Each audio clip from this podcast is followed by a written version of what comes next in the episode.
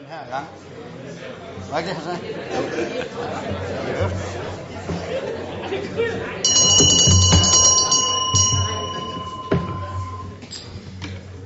Jeg vil gerne opbyde alle velkommen til eftermiddagens byrådsmøde, og jeg vil foreslå, at vi alle rejser os og holder et minut stillhed for at tilkendegive vores sympati for weekendens terroroffer og deres øh, pårørende.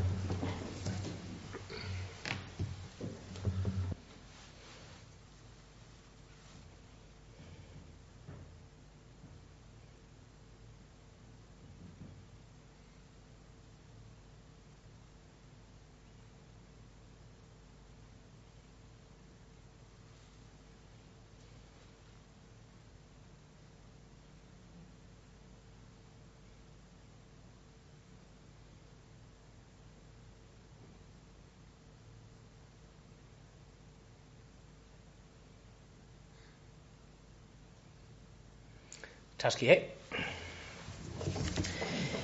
Så vil vi gå tilbage til vores mere almindelige form for starten på mødet.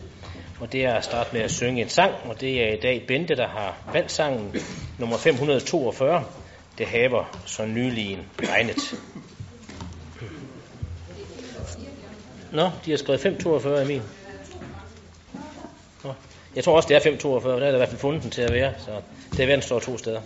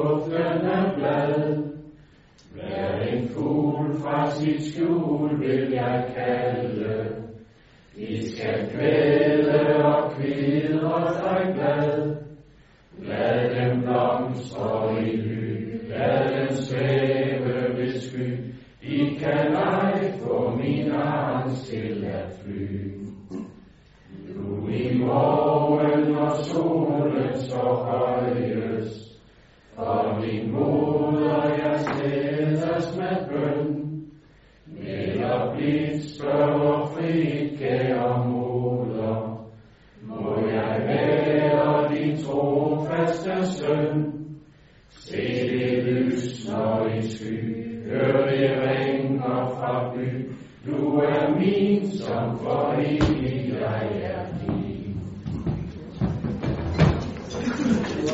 Der er i dag afbud fra Tormenor. Jørgen Skov deltager som stedfortræder. Jeg skal høre, om der er bemærkninger til den udsendte dagsorden. Det er der ikke, så vil vi tage hul på den. Og sag nummer to handler om Esbjerg Kommunes indkøbspolitik.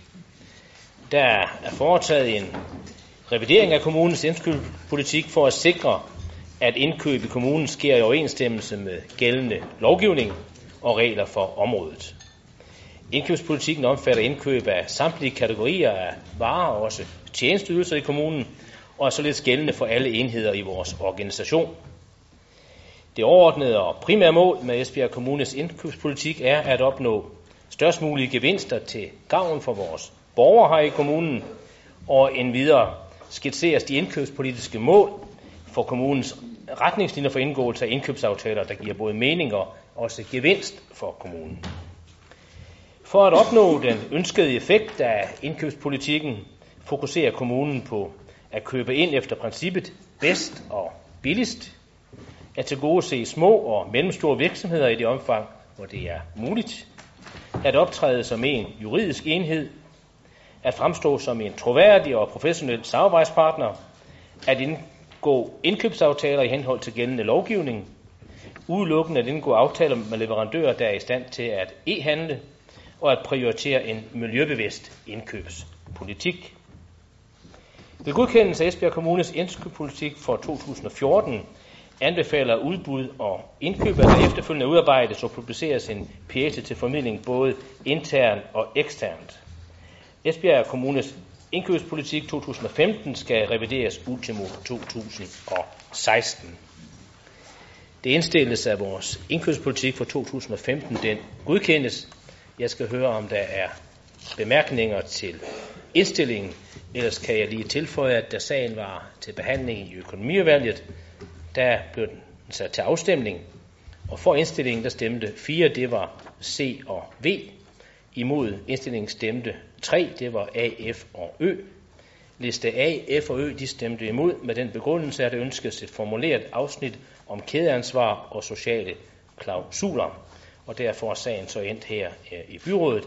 Og jeg er da sikker på, at der måske også er en enkelt, der kunne have en bemærkning til det her i aften. Det var der. Værsgo, Henning Aargaard. Ja, tak. Jamen det er jo rigtigt, som borgmesteren han siger her indledningsvis, at det vi skal tage stilling til, det er jo den indkøbspolitik, vi ønsker her i Esbjerg Kommune, som skal være til gavn for vores borgere.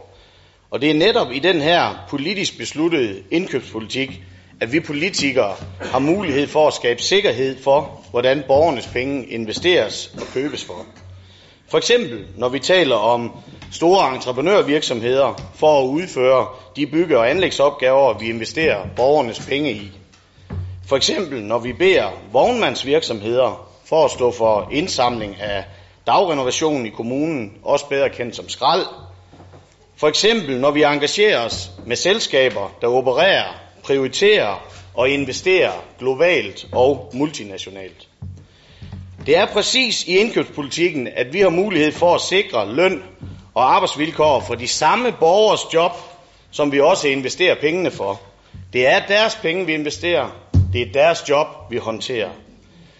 Et såkaldt juridisk bindende kædeansvar, det er det, der kan sikre, at når en entreprenør har fået lov til at udføre en opgave for kommunen, så sikres de løn- og arbejdsvilkår, som hovedentreprenøren er omfattet af, også videre ned i kæden for de virksomheder, han måtte videregive opgaven til af underentreprenører i flere led. Det er sådan i dag, at når staten i gang sætter bygge- og anlægsopgaver, så er det allerede i dag sikret ved lov, at der gælder et kædeansvar. Men når kommuner og regioner gør det, så er det kommunerne selv, der skal beslutte. Og i den forbindelse vil jeg nævne, at da Venstre, Konservativ og Liberal Folkeparti den 6. oktober sidste år besluttede at afskaffe kommunens krav om lærlingeklausuler, der gjorde de det med henvisning til, jeg citerer, lad os gøre som i Vejle. Jeg kan så oplyse de tre borgerlige partier om, at efterfølgende har man i Vejle netop indført kædeansvar. Så hvis de borgerlige fortsat mener, at Esbjerg skal se op til Vejle, så lad os da gøre som i Vejle. Men måske er det kun i skåltaler, at Vejle er idol for det borgerlige flertal. Hvert fjerde, femte eller syvende år, der er det sådan, at kommunen skal sætte opgaven i licitation, når det drejer sig om for eksempel indsamling af vores dagrenovation. Det betyder, at det vognmandsfirma, som har opgaven for, for, for kommunen, de mister opgaven til en ny operatør hver eneste gang. Vi har set det. EAR var det første, som kommunen i øvrigt var medejer af, der mistede den første opgave. Den gik til Marius Pedersen. Næste udbud tabte Marius Pedersen opgaven til Melgaard. Efterfølgende tabte Melgaard ved den, den seneste opgaven tilbage igen til Marius Pedersen. Og det gør de, fordi vognmandsfirmaets ansatte, de mister deres rettigheder, deres ancienitetsoptjente rettigheder, når opgaven den ikke er sikret igennem lov om virksomhedsoverdragelse. De sættes ned i løn for eksempel. De får nulstillet alle ancienitetsrettigheder, såsom ancienitetstillæg, løn under sygdom, løn under barsel og meget mere. Og det betyder, at nye virksomheder kan starte rettighederne forfra og underbyde det firma, det hidtil har løftet kommunens opgave hver gang. Det er helt urimeligt over for de ansatte, ligesom det er unfair konkurrence over for de virksomheder, der udfører opgaver for kommunen. Og det sker, fordi det borgerlige flertal her i Esbjerg ikke har ville indskrive, at lov om virksomhedsoverdragelse skal gælde for de her udbud. Hvis man gjorde det, så ville de ansattes rettigheder nemlig følge med over i det nye firma, og virksomhederne ville være stillet lige i konkurrencen over for hinanden. Tiden må altså være inde til, at vi som kommune får stoppet den her dårlige behandling af vores borgere. Det er jo vores borgere, der arbejder som skraldefolk, og vi skal have det stoppet en gang for alle. Den 6. november, der offentliggjorde en samlet organisation af over 30 nyhedsmedier for første gang de hemmelige skatteaftaler fra Luxembourg. Det er det, vi i dag kender som Luxembourg-finden. Som der for eksempel den danske industrivirksomhed Lykstør Rør, der fremstiller præisolerede fjernvarmerør, blev solgt til en britisk kapitalfond. Efter opkøbet af virksomheden, så opretter man to nye selskaber bosiddende i Luxembourg, som intet har med fremstilling af rør at gøre, men som kun står som ejer af det nye selskab, de har købt. Og finten, den går så ud på, at med den model for skattespekulation, så slipper selskaberne for at betale skat i Danmark, selvom virksomheden ligger og fremstiller rørene i Danmark. Og i stedet for kan de nøjes med at betale en skat til Luxembourg på 0,125 procent af deres overskud. Der er mange flere elementer i den her Luxembourg-finte, som de multinationale spekulanter kan benytte sig af, men jeg tror ikke, der er grund til at ramse dem alle sammen op her i dag. Det er sådan nogle ting, vores borgers skattepenge ikke skal gå til. Og derfor bør vi have nogle bestemmelser om det i kommunens indkøbspolitik. De forhold, jeg her har nævnt, kædeansvar, dagrenovationen og lov om virksomhedsoverdragelse og Luxembourg-finden, det er ikke en del af den indkøbspolitik, vi her i dag skal tage stilling til. Og det er ikke godt nok. Jeg vil faktisk tillade mig at sige, at jeg synes, det er aldeles uansvarlig omgang med borgernes penge, der skal investeres. Derfor kan vi heller ikke fra enhedslisten i dag stemme for det forslag, der ligger her til indkøbspolitikken. Tak. Så er det John Snedgaard. Ja tak. Når vi ser på det forslag, der ligger her til Esbjerg Kommunes indkøbspolitik, så indeholder den jo faktisk mange gode elementer, som Socialdemokraterne er helt enige i. Lad mig blot øh, nævne afsnittet omkring inddragelse af klima- og miljøhensyn ved køb af varer og tjenesteydelser, og også de sociale og etiske forhold herunder ILO-konventioner mod tvangsarbejde, diskriminering, børnearbejde og sikring af et godt arbejdsmiljø, og ikke mindst organisationsfrihed, og også ret til kollektive forhandlinger. Men også muligheden for at sikre lokale virksomheders øh, betingelser for at skabe vækst og arbejdspladser i kommunen, er der skrevet noget om. Og det er godt. Men når Socialdemokraterne ikke kan stemme for indkøbsaftalen, så skyldes det, så skyldes det faktisk det, der ikke står i indkøbspolitikken, og som det tidligere byråd ellers indtil nu har været helt enige om. Det er nemlig sådan, at afsnittet om sociale klausuler og arbejdsklausuler med et pindestrøg er fjernet i det udkast, vi nu behandler på byrådets møde i dag. Og det er Socialdemokraterne selvfølgelig absolut uenige i, og vi forstår ikke, hvorfor det borgerlige flertal partout skal fjerne dette i en ellers udmærket revideret indkøbspolitik. Vi vil fra Socialdemokraternes side sikre, at udbud af offentlige opgaver skal ske på ordentlige og færre vilkår. Og for os er det en mærkesag, at også udbudsforretninger i landets femte største kommune skal foregå professionelt, ordentligt og redeligt for alle parter. Det skal være, der skal være færre og rimelige konkurrencevilkår for de bydende virksomheder. Esbjerg Kommune, som er en stor lokal aktør, skal ikke medvirke i en urimelig konkurrence om at sætte dygtige og lojale medarbejdere ned på mindst mulige løn eller på østeuropæiske lønninger. Det vil også være dybt, dybt, dybt unfair over for lokale håndværkere og virksomheder, som jo ikke har samme muligheder for at presse lønningerne, og heldigvis for det. Socialdemokraterne er meget optaget af, at arbejde i Danmark og Esbjerg Kommune foregår på ordentlige danske løn- og arbejdsvilkår, og vi tager problemet omkring social dumping meget alvorligt. Vi finder os ganske enkelt ikke i, at øh, dine og mine skattekroner øh, bruges til at dumpe lønningerne på arbejdsmarkedet, eller bruges til virksomheder, som ikke tager et socialt ansvar. Derfor vil vi have, at der i kommunens indkøbspolitik stilles tydelige krav til virksomheder, som vil byde på de kommunale opgaver.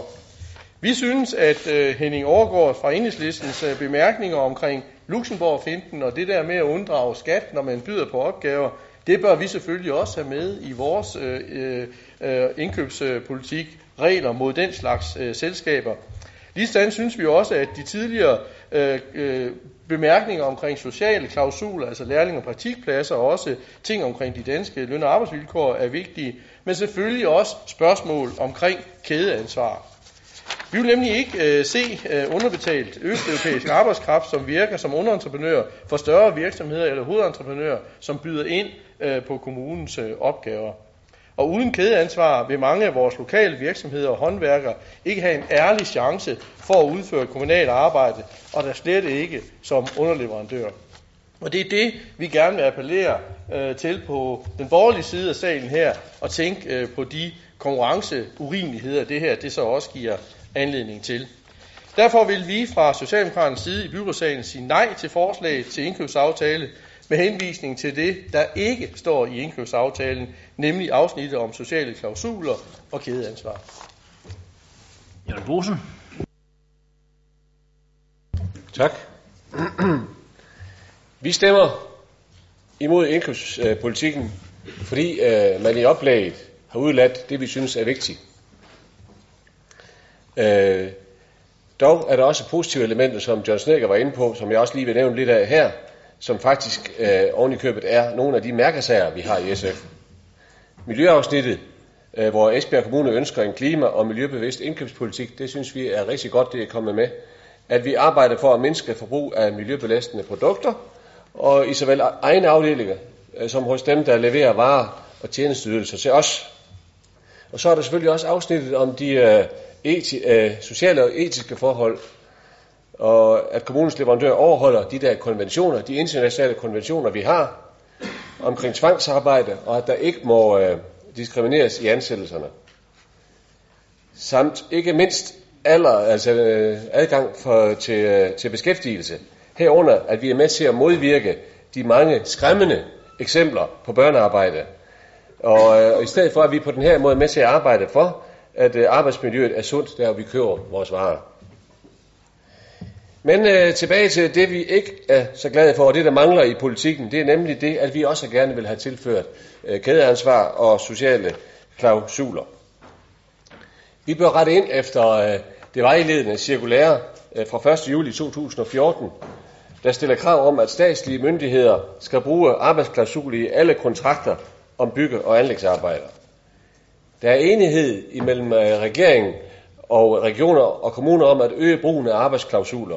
Og vi opfordrer som kommune til at gøre brug af dem i alle øh, udbrugskontrakter. Øh, Enkelte kommuner har øh, oven i købet stillet krav om, at deres leverandører aflønner efter danske overenskomster. I Esbjerg skal vi ikke handle eller samarbejde med dem, der benytter sig af Luxembourg-finten, som andre har været inde på, for at undgå at betale skat øh, i Danmark. Det vil jeg ikke komme yderligere ind på her, for det er blevet nævnt. Men vi vil forpligte vores leverandør ved kædeansvar, og hermed sikre de ansatte løn, arbejdstid og, øh, og øh, øh, andre arbejdsvilkår her i Danmark. Vi skal også sikre et forholdsmæssigt antal lærlingekontrakter, hvor det er muligt. Vi skal sikre lige konkurrence og beskyttelse af optjent ancienitet, således at øh, lov om virksomhedsoverdragelse er gældende ved både udbud og genudbud. Det drejer sig kort og godt om at sikre løn og arbejdsvilkår på de danske arbejdspladser. De skal være færre, de skal være gunstige og konkurrencedygtige, og ikke underbydes af lavt lønnet arbejde, for eksempel fra det gamle Østeuropa. Andre øh, blå kommuner, og Vejle er nævnt som et eksempel her i dag, har indgået lignende aftaler, og det bør vi også gøre her i Esbjerg Kommune. Så er det Jesper. Ja, tak. Jeg vil indlede med at sige, at øh, jeg faktisk er lidt overrasket over, at øh, vi står her og skal behandle øh, Esbjerg Kommunes indkøbspolitik øh, i byrådet, efter at en øh, samlet rød konstellation har begæret sagen hertil. Den skulle jo sådan set formelt slutte i økonomiudvalget, men, men øh, der øh, har I selvfølgelig en demokratisk ret til at gøre det, og det anerkender jeg, men, men det er dog alligevel lidt mærkværdigt, når vi nu har drøftet sagen ind til flere gange. Øh, fordi i de første sager, der stod der jo i de udkast, vi så, at der var indgået partnerskabsaftaler, øh, eller var jeg var i gang med det sammen med Dansk Byggeri, en beslutning, som et flertal i byrådet jo tog i oktober, som vi har hørt fine referencer til fra Hangover blandt andet. Øh, det tilbød vi på blå side at skrive ud, sådan at øh, vi dog kunne øh, blive enige om en indkøbspolitik, som jeg også hører nogle af jer udtrykke, øh, øh at I faktisk øh, ikke er så uenige i det, der er skrevet, men mere er uenige i det, der ikke står. Men det måtte vi så øh, konstatere, at det var skønne spildte kræfter, fordi at, øh, da det endelig kom til den endelige behandling, så øh, valgte den samlede røde side alligevel at stemme imod, selvom man åbenbart er enig i alt det, der er skrevet. Øh, I kommer vidt omkring, vil jeg sige. Vi gav sagen i byrådet på grund af sociale klausuler og kædeansvar. Nu har vi hørt øh, Henning Aargaard snakke om Luxembourg-finden og regler om genudbud ved, ved kommunale opgaver, og Øh, John Snedgaard også ind omkring arbejdsklausuler. Det, øh, jeg vil nu starte med bare lige at forholde mig til de ting, der egentlig var årsagen til, at øh, I har sendt sagen i byrådet. Øhm, fordi vi drøftede det jo lige præcis og besluttede et flertal på et møde i i oktober måned, at øh, vi skulle arbejde med partnerskabsaftaler med Dansk Industri og Dansk Byggeri, og afskaffe de sociale klausuler, der har været anvendt indtil nu. Og samtidig så besluttede vi, at vi ikke ønsker kædeansvar og emnet omkring arbejdsklausuler. Det vil vi tage op, når der var faldet dom i en EU-sag fra Tyskland, som forventes senere på foråret. Og kære venner, der er sådan set ikke ændret noget ved det, der er taget beslutning om dengang, men når I nu har bragt emnet op igen, så skal jeg da gerne gentage argumenterne for, hvorfor vi ønsker de her partnerskabsaftaler, og hvorfor vi siger nej til kædeansvar. For det lyder jo så rosenrødt, når I taler for de sociale ansvar ved kommunale byggeopgaver, men det er ligesom om, at midlet det helliger målet. Det virker næsten som om, at det for jer er afgørende, at vi indskriver nogle sociale klausuler for klausulernes skyld, Uanset at det betyder færre og kortere lærepladser til de unge mennesker. For Venstre der er det sådan set afgørende, at vi får skabt det fornødne antal lærlinge og praktikpladser for kommunens unge, så vi kan sikre fødekæden inden for de faglærte brancher. Og det gør vi altså bedst ved partnerskabsaftaler, hvor Esbjerg Kommune, uddannelsesinstitutionerne og brancheforeningen indgår aftaler for at sikre, at ingen unge mennesker mangler praktikpladser. Erfaringen fra de kommuner, der har haft aftalerne i længere tid, taler for sig selv. Det er et middel, der virker. Med sociale lærlingklausuler, så sikrer man godt nok, eller når man har sociale lærlingklausuler, så sikrer man jo lærlinge specifikt i de kommunale opgaver. Men prøv nu at tænke den her tankegang lidt til ende. I praksis, der betyder det jo, at virksomhederne er nødt til at lade være med at tage så mange lærlinge, som de ellers ville, fordi de skal have plads til at tage en lærling, hvis de vinder en kommunal opgave. Og samtidig så viser erfaringen, at der bliver indgået korte aftaler, hvor unge mennesker får tilbudt en læreplads, mens virksomheden arbejder for kommunen, men så måske står med en halv uddannelse, når opgaven er afsluttet. Det er altså sådan en slags stop-and-go-politik, som vi ikke kan være tjent med. For Venstre er det sådan set ligegyldigt, om lærlingen de arbejder på kommunale anlægsopgaver på et parcelhusbyggeri i Tjerborg. Det vigtigste er, at der skabes det nødvendige antal praktikpladser, og det går forud med alt andet. Og det er altså et valg imellem to retninger. Man kan ikke både blæse og have mel i munden. Kædeansvar kan man sige, at det har vi sådan slået fast indtil flere gange, at det øh, mener vi, det er en rigtig dårlig idé. Det lyder jo igen sådan besnærende, at hovedentreprenøren han skal stå til ansvar for hele leverandørkæden. Men det er ikke så simpelt endda. Når selv øh, den socialdemokratisk ledede regering er betænkelig ved at indføre kædeansvar, jamen, så er det nok klart for de fleste, at der er en kraftig bagside af den medalje, I ellers taler så pænt om. For i praksis betyder kædeansvar jo, at en hovedentreprenør kræver en garanti fra sine underleverandører for lønsummen i den opgave. Og det koster jo. En bankgaranti, det koster en forsikringspræmie, som der i sidste ende kun er kommunen som bygherre til at betale. Og for det andet, så vil mange virksomheder, især de små og mellemstore virksomheder, som vi jo lige præcis gerne vil fremme i indkøbsaftalen, de vil have vanskeligt ved at få en bankgaranti, og det kan jo betyde, at de mister opgaver, så det til sidst kun er de store koncerner, der kan byde. Det medfører dyre projekter, det koster lokale arbejdskræfter. arbejdspladser. Og så er og bliver det en myndighedsopgave at sikre de fundamentale regler overholdes. Derfor er det en opgave for Folketinget at sikre de nødvendige redskaber til arbejdstilsynet for at kunne gribe ind over for de virksomheder, der ikke overholder spillereglerne. Vi skal ikke som bygherre til at være myndighed eller bede vores leverandør om at være politivend over for underleverandører, som over for forhold, de ikke har en chance for at kontrollere. Og det omkring arbejdsklausuler, det har jeg været inde på, at der øh, har vi jo allerede dengang sagt, at øh, når der er faldet dom i den her EU-sag, jamen, så kan man tage det emne op øh, igen. Inden der, der synes vi ikke rigtigt, det giver mening, fordi at hvis, der, hvis øh, den dom går imod, øh, eller hvad hedder det, den dom, den kan give anledning til, at øh, de danske klausuler, som de er formuleret, de alligevel ikke er gyldige, og så kan vi jo starte forfra bagefter. Så jeg kan godt stå fast, at vores standpunkter for efteråret, de ikke har ændret sig, og derfor kan vi jo kun anbefale, at indkøbspolitikken den godkendes, ligesom den foreligger. Så er det Henrik Valø. Ja, tak. Esbjerg Kommune skal naturligvis have en indkøbspolitik, der kan samordne og koordinere de mange indkøb, en kommune af Esbjergs størrelse har. Kun på den måde kan vi sikre de, de størst mulige gevinster, altså bedste varer til den lavest mulige pris, noget vi som borgere alle får glæde af. Jeg synes, der er rigtig mange gode elementer i indkøbspolitikken her, herunder sociale og etiske forhold. Jeg har de seneste år adskillige gange spurgt ind til vores indkøbsaftaler, blandt andet i forbindelse med blomsterudbud og udbud omkring øh, flytninger med mere.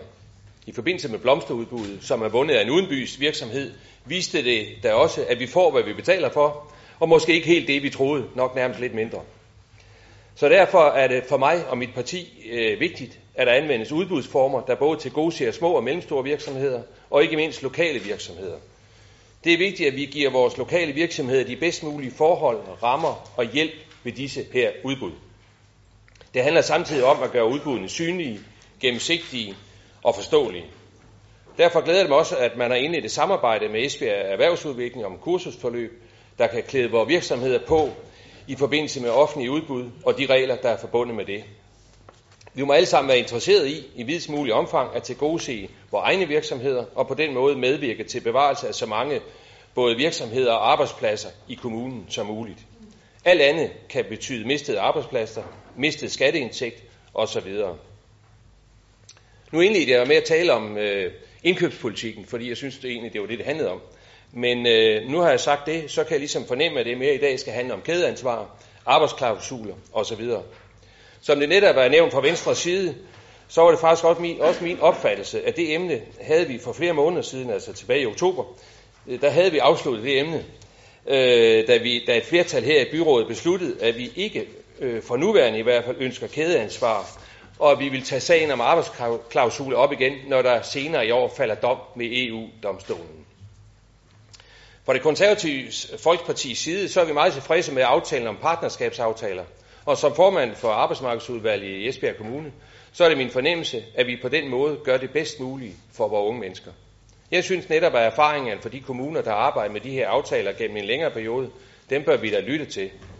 Jeg tror på partnerskabsaftalerne. Jeg tror på, at det er den mest effektive måde at skaffe de nødvendige lærlinge og praktikpladser på. Og for mig er det altså det vigtigste. Så lad mig anbefale, at vi godkender indstillingen for EU. Vi synes nemlig, at der i den her indkøbsaftale er det med, der skal være med. Tak. Så er det Jens Vind. Nu skal det jo til synligheden handle om øh, primært om, om klausuler og kædeansvar. Og man får det jo fra en røde side til at lyde meget simpelt. Også noget simplere, end det i virkeligheden er. For det, for det er meget let, meget nemt at, øh, at sige, at man vil have kædeansvar. Og jeg tror måske også, at øh, for en meget stor virksomhed med en meget stor øh, økonomi, en stærk økonomisk buffer og et meget bredt netværk, der tror jeg måske ikke, at man, øh, at man er mest bange for de juridisk bindende kædeansvar, for de skal nok klare sig. Men en ting, som man helt glemmer, det er de konsekvenser, som, som øh, et kædeansvar altså vil få for de små og for de mellemstore virksomheder. For hvis man som virksomhed skal løse en opgave, eller man øh, sælger et produkt eller en ydelse til Esbjerg Kommune, så vil man være nødt til at, så vil man være nødt til at kunne sikre sig økonomisk. I tilfælde af, at, øh, at der går noget galt, øh, eller hvad man skal kalde det, længere nede i kæden. Det skal de aller, allerstørste koncerner måske nok klare sig, øh, klare sig igennem. Men for de små virksomheder, for de mellemstore virksomheder, der skaber det en helt enorm uforudsigelighed. Det vil, det vil udelukke rigtig mange små og mellemstore virksomheder fra at, øh, fra at kunne, øh, kunne byde ind på vores opgaver. Jeg kan ikke lade være med at tænke på, at vi har jo alle sammen været med til at øh, støtte op om en vækststrategi her i byrådet. Det har en røde side også. Der siger vi blandt andet, at vi vil have gode, øh, gode vilkår for, for øh, vores små og mellemstore virksomheder. Så skal vi jo ikke sætte sådan en massiv forhindring op, som vi er i gang med, hvis vi laver kædeansvar. Så er det Frederik Madsen. Ja tak. Du kunne ikke få ordet, inden vi startede, så jeg må jo så prøve at tage den nu. Det er egentlig utroligt, når man skal høre den kvævlen her fra Venstre, eller fra Socialdemokratiet, SF og, og Enhedslisten sige, at man vil have kageansvar ind. Nu har Dansk øh, Øh, Liberalt øh, Folkeparti, vi har stillet forslaget op til flere gange her i byrådet, hvor man bliver blevet stemt ned, blandt andet af Enhedslisten. Hvad jeg egentlig synes er, er noget mærkeligt noget. At, at Socialdemokratiet og SF gør det, det forstår jeg godt, men at Enhedslisten gør, det var uforståeligt. Vi synes, at til øh, hvad her, det, øh, indkøbslisten er fin, og den kan vi godt gå ind for, men vi, til, vi ønsker dog at få tilføjet kageansvar i den, og derfor vil vi gerne stille det forslag, at det bliver indføjet i indkøbslisten. Jakob Lose. Tak for det. Der er blevet øh, både sagt øh, gode ting og knap så gode ting omkring den indkøbspolitik, som vi jo her om ganske kort tid skal, skal stemme om. Noget af det, jeg synes, der er rigtig godt, og noget af det, som vi i Venstre synes, der er rigtig godt, øh, der står noget om i indkøbspolitikken, det er blandt andet under de indkøbspolitiske mål, hvor der står, at i det omfang, det er muligt, anvendes udbudsformer, der til gode ser små og mellemstore virksomheder.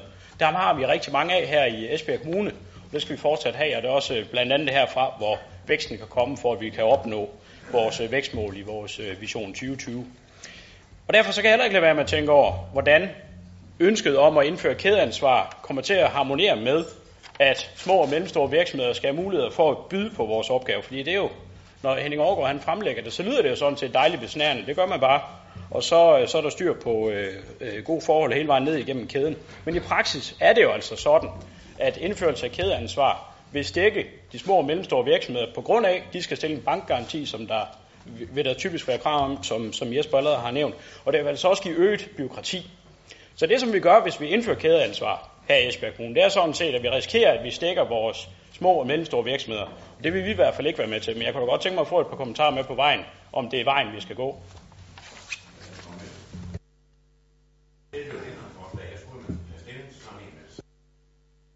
Jeg har ikke hørt, du har stillet et ændringsforslag. Hvad gik det på? Prøv lige at repetere det. Jamen det er jo sådan set, det er jo bare et, et bud på det, ikke også? Det har Henning Aargaard jo foreslået for en, for en halv time siden også jo. Det har ikke hørt Jo, jo. Jamen så tager vi den. Der er stillet et forslag om, at vi øh, skal have en tilføjelse til aftalen her. Og det er stillet Liberalt Folkeparti. Hvem kan stemme for det forslag? Ja. Hvem stemmer imod? Ja, det er hermed bortfaldet. Så går vi til den næste taler, og det er Ulla. Ja, tak. Jamen allerførst, så skal man tænke på, øh, hvem er det, der skal tjene på og have glæde af, at kommunen køber ind eller laver byggeri. Er det firmaer, der skal lave aftale, der kan lave aftale med polske firmaer, og hvor arbejderen får 60 kroner i timen? Eller er det arbejde, arbejder, der skal have en rigtig løn, så man kan forsørge sin familie, familie med det? Altså, at der også er kædeansvar. Denne sagsfremstilling tager udgangspunkt i, hvor kommunen handler, men der mangler jo en hel masse. Der mangler jo også, øh, hvordan de firmaer, de så selvfølgelig skal have ordentlige vilkår for de ansatte. Der skal selvfølgelig være sociale klausuler, både så de ansatte får løn efter overenskomst. Der skal jo også øh, være pension, men ikke nok med det. Der skal være lærepladser til unge mennesker, der skal i gang med det voksne liv. Hvis ikke de kan få en læreplads, så bliver alting svært. Det gælder både for etnisk danskere, men det gælder der så sandelig også unge med lidt fremmedartede navne. Pengene, der skal bruges på offentlige bygninger og offentlig service, det er de penge, borgerne har betalt i skat. De skal da også bruges, så borgerne i kommunen kan forsørge sin familie, og vores unge i Esbjerg Kommune kan få en læreplads. Og så vil jeg da også godt høre, både Henrik Valø og Jesper Frost siger, at der er mange kommuner, der igennem længere tid har haft partnerskaber, og det går rigtig godt. Jamen det synes jeg, der er interessant. For for det første så hører vi, at øh, Henning Overgaard siger, at de, øh, i Vejle der er de gået bort fra det. Og i Varde, som jo også var en af de steder, som var nævnt tidligere, der er det jo også sådan, at ja, okay, de har partnerskab med Dansk Industri, men hvis det ikke er en virksomhed, som er medlem af Dansk Industri, som får jobbet, eller, lever, eller entreprisen, jamen så gælder der sociale klausuler. Så der er lige nogle tvist der, som I ikke helt lige får med. Det synes jeg er trist. Øh, så kan man også så sige, øh, hvad har... Altså, jeg har ikke sådan lige hørt helt vildt meget om de her partnerskabsaftaler, siden vi diskuterede det sidst, altså her i Esbjerg Kommune. Øh, jeg kan heller ikke se det i sagen, at der rigtig er blevet noget om det. Øh, det var jo borgmesteren, Johnny, du snakkede så fint om det, men hvad pokker der er blevet af dem, det synes jeg, der kunne være interessant. Og jeg kunne godt tænke mig også at vide helt konkret, hvordan I har tænkt jer at håndtere de virksomheder, som ikke er med i DI, og som har masser af søster- og datterselskaber ud over den hele hvide verden, og ikke betaler en skid i øh, skat her i den her kommune. Tak for ordet.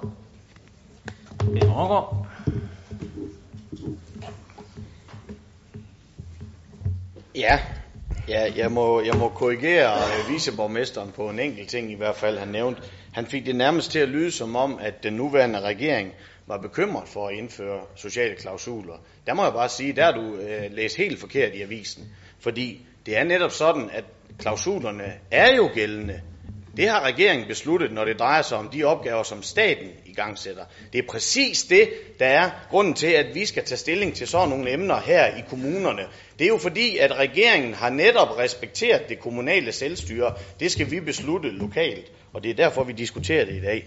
Så kan jeg øvrigt ikke forstå, at man kan være så overrasket over, at det kommer til at dreje sig om kædeansvar og klausuler i dag, fordi det står i sagsfremstillingen, at det var netop det, der var baggrunden for, at vi begav sagen i byrådet i dag. Så hvis man læser sagerne, så vil man også opleve, at det står i den. Når det så er sagt, så vil jeg sige, at det er rigtig rart at opleve, at viceborgmesteren, øh, han ved, hvad han taler om. Fordi så behøver borgerne nemlig ikke på nogen som helst måde at være i tvivl om, hvad det er, det borgerlige flertal ikke vil være med til at sikre i vores kommune. De behøver ikke at være bekymret for, at det ikke er fordi, de ikke forstår kædeansvar eller sociale klausuler. Det står lysende klart, at Venstre og Konservative, de ved, hvad det handler om, og derfor kan man næsten høre i talen en direktør, der pænt står og fortæller, hvad det er, der ligger hindringer i vejen for, at man kan skabe et rigtig godt overskud i virksomheden på bekostning af de ansattes løn og arbejdsvilkår. Det er præcis det, jeg hørte viceborgmesteren gav udtryk for.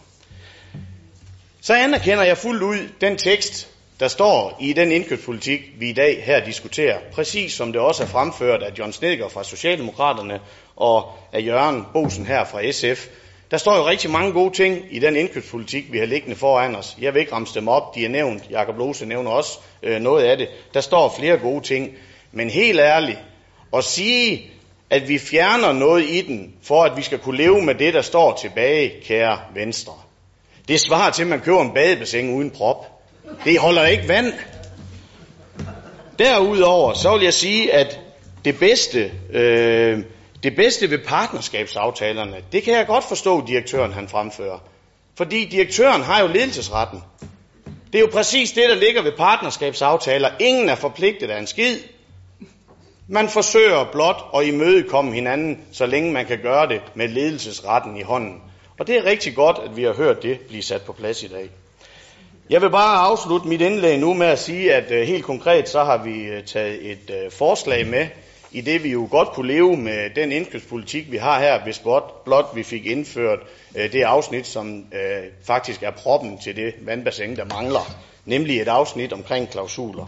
Og derfor vil jeg gerne stille øh, på vegne af byrådsgrupperne fra Enhedslisten, SF og Socialdemokraterne et konkret forslag, der lyder, at der indskrives et øh, afsnit øh, mellem øh, i anden afsnit efter miljø og leasing, der hedder klausuler. Der skal stå, Esbjerg Kommune skal, hvor det er juridisk muligt, ikke handle med eller købe varer fra, eller på anden måde samarbejde med de selskaber, der har benyttet sig af den såkaldte Luxembourg-finte, for at undgå at betale skat i de lande, hvor pengene er tjent, herunder Danmark. Næste. Forpligte leverandører og disses eventuelle underleverandører ved et kædeansvar, som sikrer ansattes løn og arbejdstid og andre arbejdsvilkår, som ikke er mindre gunstige end dem, der gælder for arbejde af samme art i henhold til kollektiv overenskomst, indgået af de mest repræsentative arbejdsmarkedsparter i Danmark inden for det pågældende faglige område. 3. Sikre et vist forholdsmæssigt antal lærlingekontrakter på den samlede opgave, hvor kontraktens omfang og varighed gør det muligt. Og sidst, sikre lige konkurrence for leverandører og beskyttelse af ancienitets optjente øh, arbejdstagerrettigheder ved at gøre lov om virksomhedsoverdragelse gældende i både udbud og genudbud. Så jeg har den med her, hvis teksten var lidt lang. Tak for ordet. Og det var så en forkromet udgave i forhold til det, Liberalt Folkeparti fremsatte. Og øh, hvem kan stemme for det her udbyggede forslag? Ja. Og hvem kan stemme imod? Det bortfalder hermed også. Det er John Snedker. Ja, det var jo en skam, at øh, det her forslag også faldt, øh, og også fordi, at det til sydenladende bygger på misforståelser, at man stemmer imod øh, herover. Altså, jeg vil, jeg vil godt sige, som også Henning overgår meget fint understreget, og det er til Jesper, det er os i byrådene, der selvstændigt skal træffe beslutninger, om vi vil have de samme regler, som gælder for staten. Og det er derfor, vi skal træffe beslutninger om det her. Den 25. juni sidste år, der gik alle fynske kommuner sammen i kamp omkring løndumpning. Og det gjorde de ved simpelthen at indføre kædeansvar. Samtlige fynske kommuner. Der er også et par blå kommuner imellem der, så vidt jeg husker. Og, og når, når det så også bliver sagt, at det var sådan mest til, til Jens Nim, men også lidt til Henrik Valø, øh, det, det, det nytter ikke noget, når, når I siger det her med, at hvad betyder det her med kædeansvar? Det er så besværligt, og åh, hvor er det skidt. Jamen det her, det handler dybest set om nogle ordentlige værdier. Det handler om at beskytte vores lokale virksomheder mod en urimelig konkurrence. Uden kædeansvar, så vil mange af vores lokale virksomheder og håndværkere ikke have en ærlig chance for at kunne udføre kommunalt arbejde, og der slet ikke som underleverandør. Det er det, sagen drejer sig om, og det er ikke det, vi har hørt fra, fra jeres side. Og det er det, som en række kommuner i Danmark nu flokkes om at få vedtaget i deres byråd. Og vi forstår ikke, at Danmarks femte største kommune ikke vil være med til at sikre et minimum af ordentlighed, når det er sådan, at virksomheder skal byde på vores og vores allesammens penge i investeringer i kommunen. Så var det Freddy. Jamen, det var lidt kedeligt, at vi ikke øh, kunne blive enige om, at vi ville indføre kageansvar i indkøbslisten. Øh, jeg tænker nærmest på, når vi tænker på metrobyggeriet, det er en, en gribende eksempel på, hvorfor vi egentlig bør indføre kageansvar. Men øh, da vi ikke kan få det ind i indkøbslisten, så vil vi stemme for en, hvad hedder det, indkøbslisten, som den ligger nu. Vi synes, den er god. Vi har bare håbet på, at vi kunne have fået et andet her med i den. Ja, jeg tror ikke, jeg vil forsøge at gentage det, jeg sagde før, fordi at uh, budskabet det trænger åbenbart ikke ret uh, tydeligt igennem, øh, kan jeg ligesom forstå. Det, er, det, du har åbenbart nævne Henning til at tolke gevaldigt på de ord, der kommer ud af min mund, og så få det til at betyde nøjagtigt det modsatte af det, som jeg egentlig mente, at jeg sagde. Men det skal jeg ikke, det må vi tage på et andet uh, tidspunkt. Jeg, jeg vil egentlig bare øh, sige, at jeg har, I behøver ikke at belære mig om, hvordan det er, regeringen de, øh, agerer. Det ved jeg ganske udmærket. Øh, og øh, der er ikke... Øh, der er ikke nogen problemer i det. Øh, jeg, jeg kan sådan bare holde fast i og gentage, at øh, vi mener sådan set ikke, at det her omkring kædeansvar, det er noget, som øh, skal ligge på øh, det kommunale plan. Det er, hvis der skal være nogle regler for det her, så bør det øh, være noget, som øh, kommer centralt fra, så det gælder hele landet, og allerhelst på EU-plan, fordi det er jo det, der er problemet. Det er ikke øh, noget, vi skal vedtage særregler for i den enkelte kommune. Og så vil jeg sige, øh, for lige, der, der er flere af jer, der har været inde på, at øh, vi ikke skal øh, øh, have konkurrere på løn og andre ting. Øh, det er vi sådan set ikke uenige i, men, men øh, i Venstre, der synes vi sådan set, at vi har en meget god tradition i Danmark for, at løn og arbejds, at de forhold, det er noget, der håndteres af arbejdsmarkedets parter, den danske model, den øh, synes vi sådan set, at vi bare skal bakke op om, i stedet for at begynde at blande løn ind i nogle af, af de forhold, der ligger her. Så øh, jeg skal ikke uh, trætte uh, debatten længere. Jeg tror ikke, vi når helt til enighed, men øh, jeg tror, at hvis vi har fået givet, så får vi, hvad vi mener.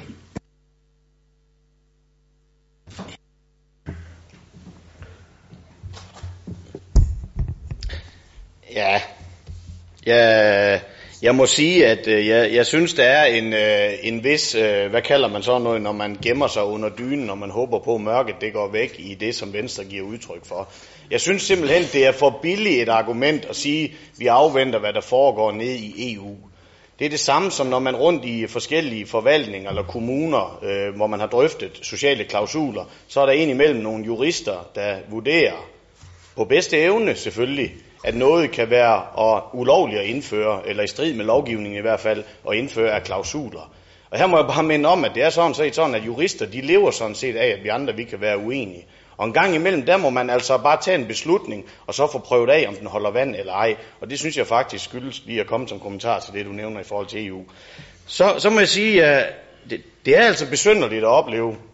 Vi oplevede det den 6. oktober sidste år, da vi oplevede en sag, der handler om partnerskabsaftaler.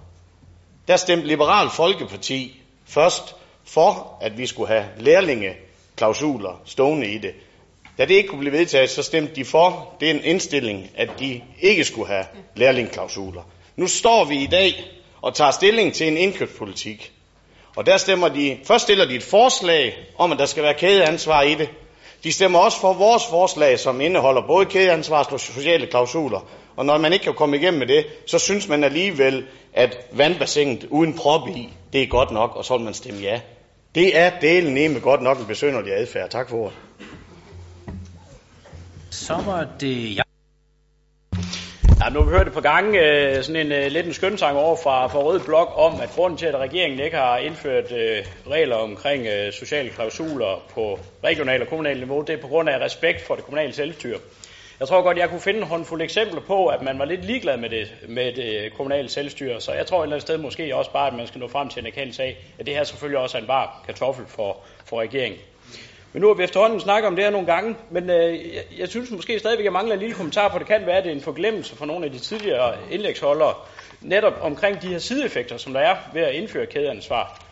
Kan I bekræfte, at det kan give økonomiske udfordringer for de små og mellemstore virksomheder her i Esbjerg, hvis det er, at man skal indføre det, og er det rigtigt forstået, at det vil øget byråkrati? Jens, vind og ikke nem. Ja, jeg kan fornemme, at jeg fik nyt navn før det jo. Men øh, ej, det er fint nok. Jeg vil bare lige, øh, nu har Jacob sagt øh, meget af det, så jeg vil bare lige kort øh, foreslå, øh, nu når man snakker så meget om øh, Fyn, at man kigger på øh, DI's øh, lokal erhvervsklima øh, rangliste for, for i år. Middelfart er den eneste kommune i top 35 øh, af dem. Det er måske øh, stof til, til eftertanke. Det er Frederik Madsen. Jeg synes, øh, enhedslisten henover, hvor han bliver ved at knolde rundt i det. Det er ligesom bundemand, der går ud og pløjer jord. Han ved snart ikke, hvad han skal gøre. Vi har i uh, Liberal Folkeparti den opfattelse, at vi vil gerne have haft, at vi fik uh, sociale klausuler, eller hvad her det, både det, og så hvad her det, uh, um, kageansvar med ind i det her forslag, og uh, da det ikke kunne lade sig gøre, så må vi jo sige, at det næstbedste må jo være, at der ligger en aftale her, eller der ligger en fin, uh, hvad her det, indkøbsliste her, øh, som vi synes egentlig godt, vi kan, være, vi kan være bekendt, men vi havde dog håbet på at kunne gøre den lidt bedre ved at få kageansvar med ind i den, Henning. Sådan er det, og så synes jeg, at du skal holde dig til sandheden. I stemmer jo imod, hver gang vi har foreslået, at vi skulle have kageansvar ind, så har du stået op og stemt imod den. Jeg, kan, jeg synes, at det er noget fjolleri. Du triller rundt til at råbe og skrige herinde, men, så man ved ikke, hvad man skal gøre. Henning?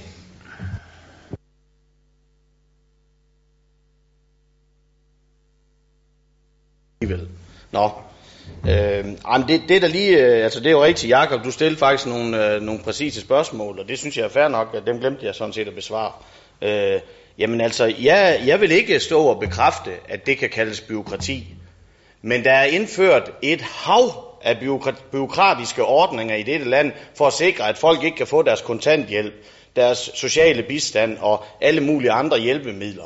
Her taler vi om måske at indføre nogle kontrolmekanismer, hvis det er dem, du betegner som, som byråkrati, for at sikre, at vi i det her land skal sikre øh, vores borgers løn og arbejdsvilkår, som også giver et afkast til skattekassen bagefter.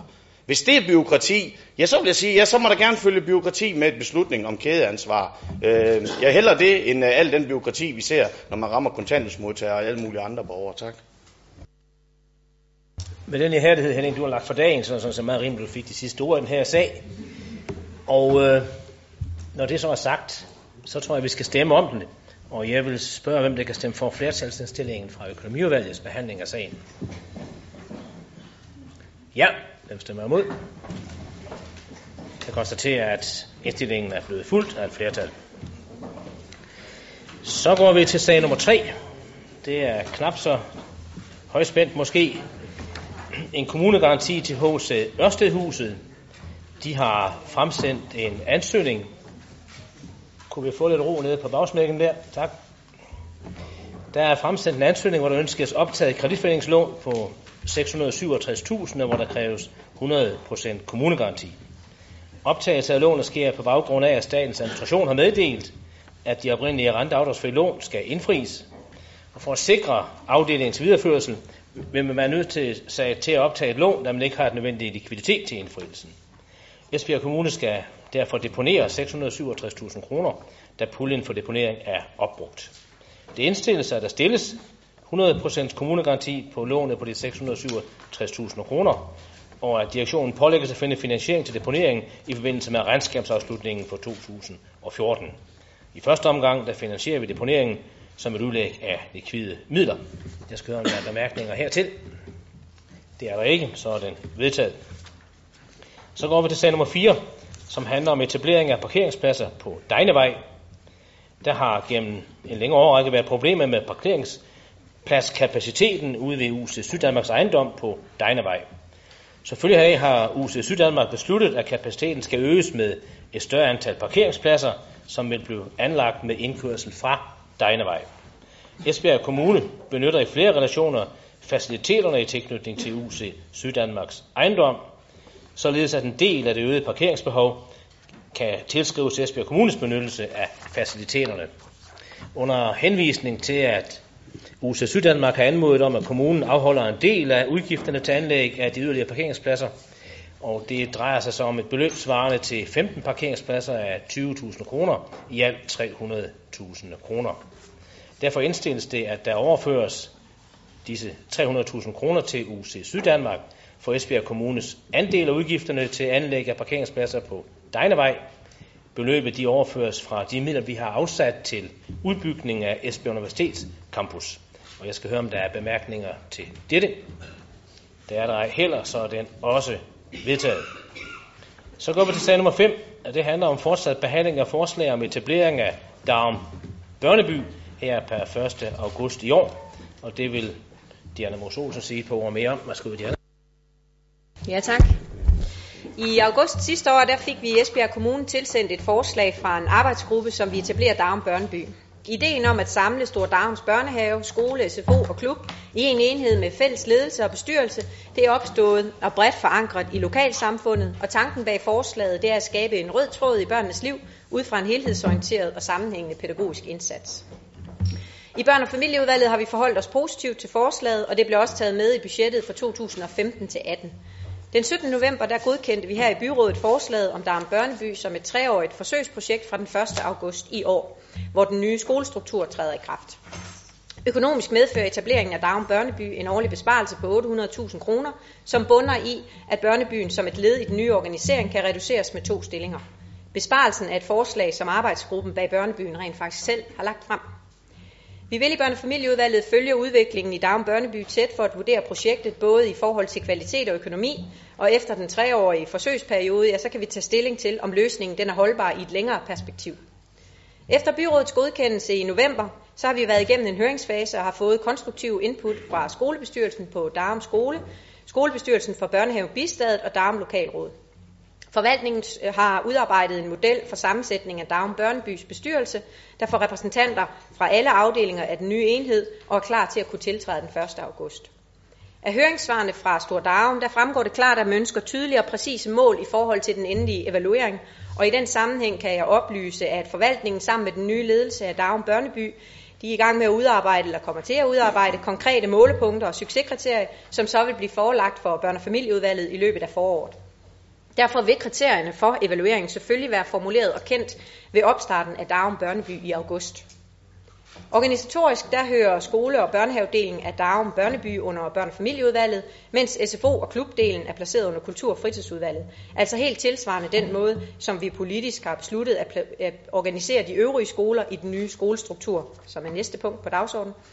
Og på den baggrund indstiller børne- og familieudvalget og økonomiudvalget til byrådet, at Darum Børneby bestående af Darum Skole, SFO, Børnehaven Bistadet og Klub Darum etableres per 1. august 2015 at Darum Børneby er et forsøgsprojekt, som skal evalueres efter en treårig periode.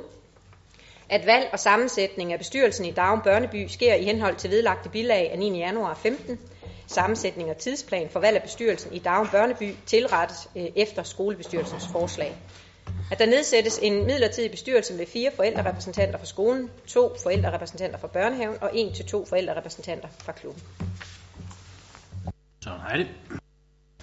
Ja, nu er det ved at være noget tid siden, at uh, Diana og jeg har været ude og besøge Darum Skole og så høre om projekt Darum Børneby. Uh, vi fik en meget positiv oplevelse derude og mødte nogle meget engagerede borgere.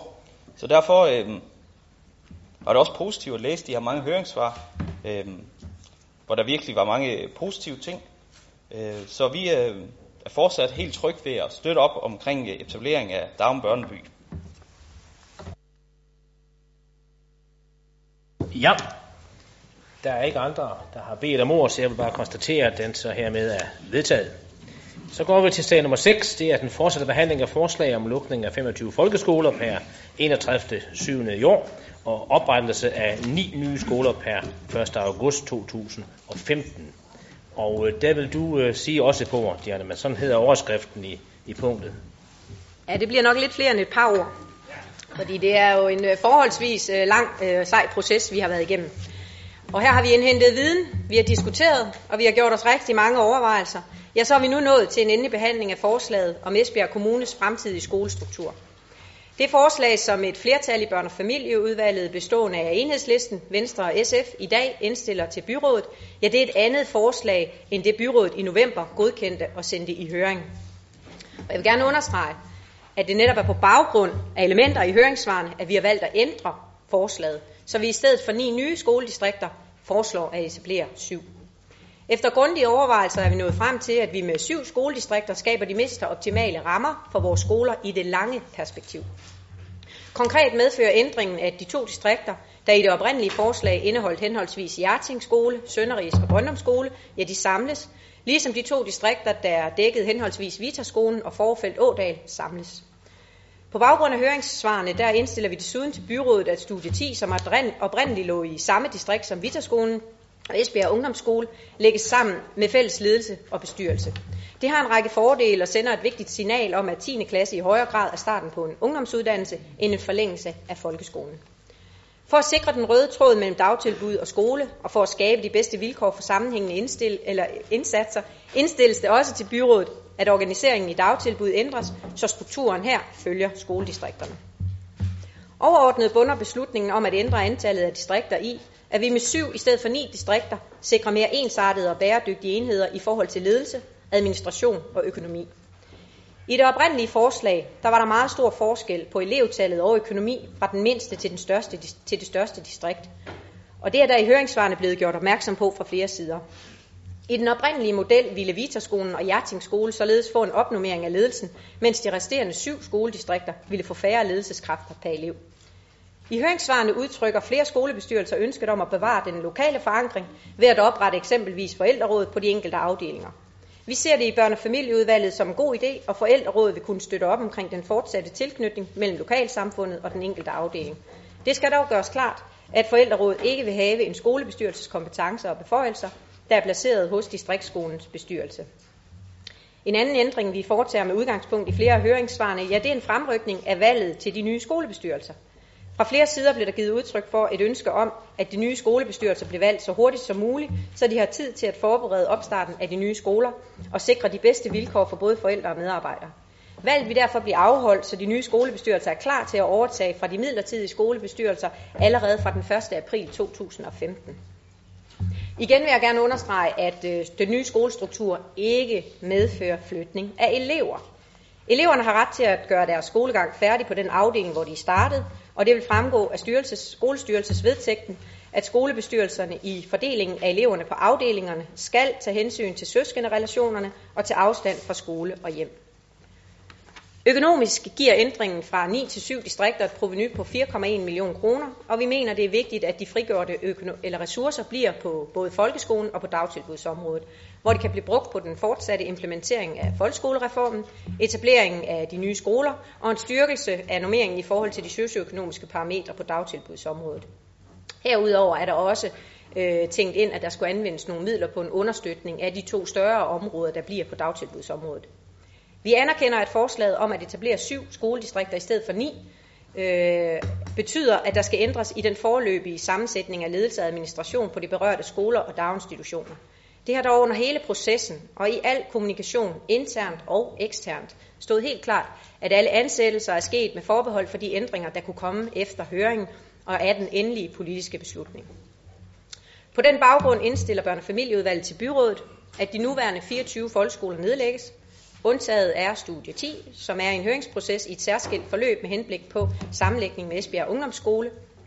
I forhold til det oprindelige forslag om oprettelse af ni nye skoledistrikter, ja, så indstiller et flertal i børne- og familieudvalget bestående af Venstre, SF og Enhedslisten følgende ændring til byrådet. At der oprettes syv nye skoler per 1. august 15 bestående af følgende skoledistrikter. Skole 1, Hjerting Skole, Brøndum Skole og Sønderigskolen. Skole 2, Kvavlund, Skas og Tjæreborg. Skole 3, Bakkeskolen, Bollesager og Spangsbjerg. Skole 4, Danmarksgade, Præstegårdsskolen og Rørkjær. Skole 5, Vitaskolen, Forfelt og Ådalsskolen. Skole 6, Ansgar, Vadehavsskolen, Wittenbergskolen og Græstebro Skole. Skole 7, Bakkevejens Skole, Nordrup Skole, Vejrup Skole, Egekratskolen og Gørding Skole. Det indstilles samtidig, at områdestrukturen på dagtilbudsområdet følger strukturen på folkeskoleområdet, da en ensartet organisering på henholdsvis skoler og dagtilbudsområdet understøtter den røde tråd på områderne og giver gode betingelser for det tværfaglige og ledelsesmæssige samarbejde. Provenyet til at gå fra de 9 til de 7 distrikter, 3,6 millioner på skoleområdet og 0,5 millioner på dagtilbudsområdet, forbliver på de respektive områder og kan anvendes til initiativer, der understøtter implementering af folkeskolereformen, etablering af de nye skoler eller medvirker til yderligere styrke normeringen i forhold til de socioøkonomiske parametre på dagtilbudsområdet. Af bilag til skolestyrelsesvedtægten vil fremgå, at skolebestyrelsernes principper for fordeling af elever på afdelinger i distriktet skal basere sig på følgende. Afstand fra bopæl til nærmeste afdeling, søskende relationer på afdeling, og at en elev, der er startet på en skole, har ret til at færdiggøre sin skolegang på den pågældende afdeling.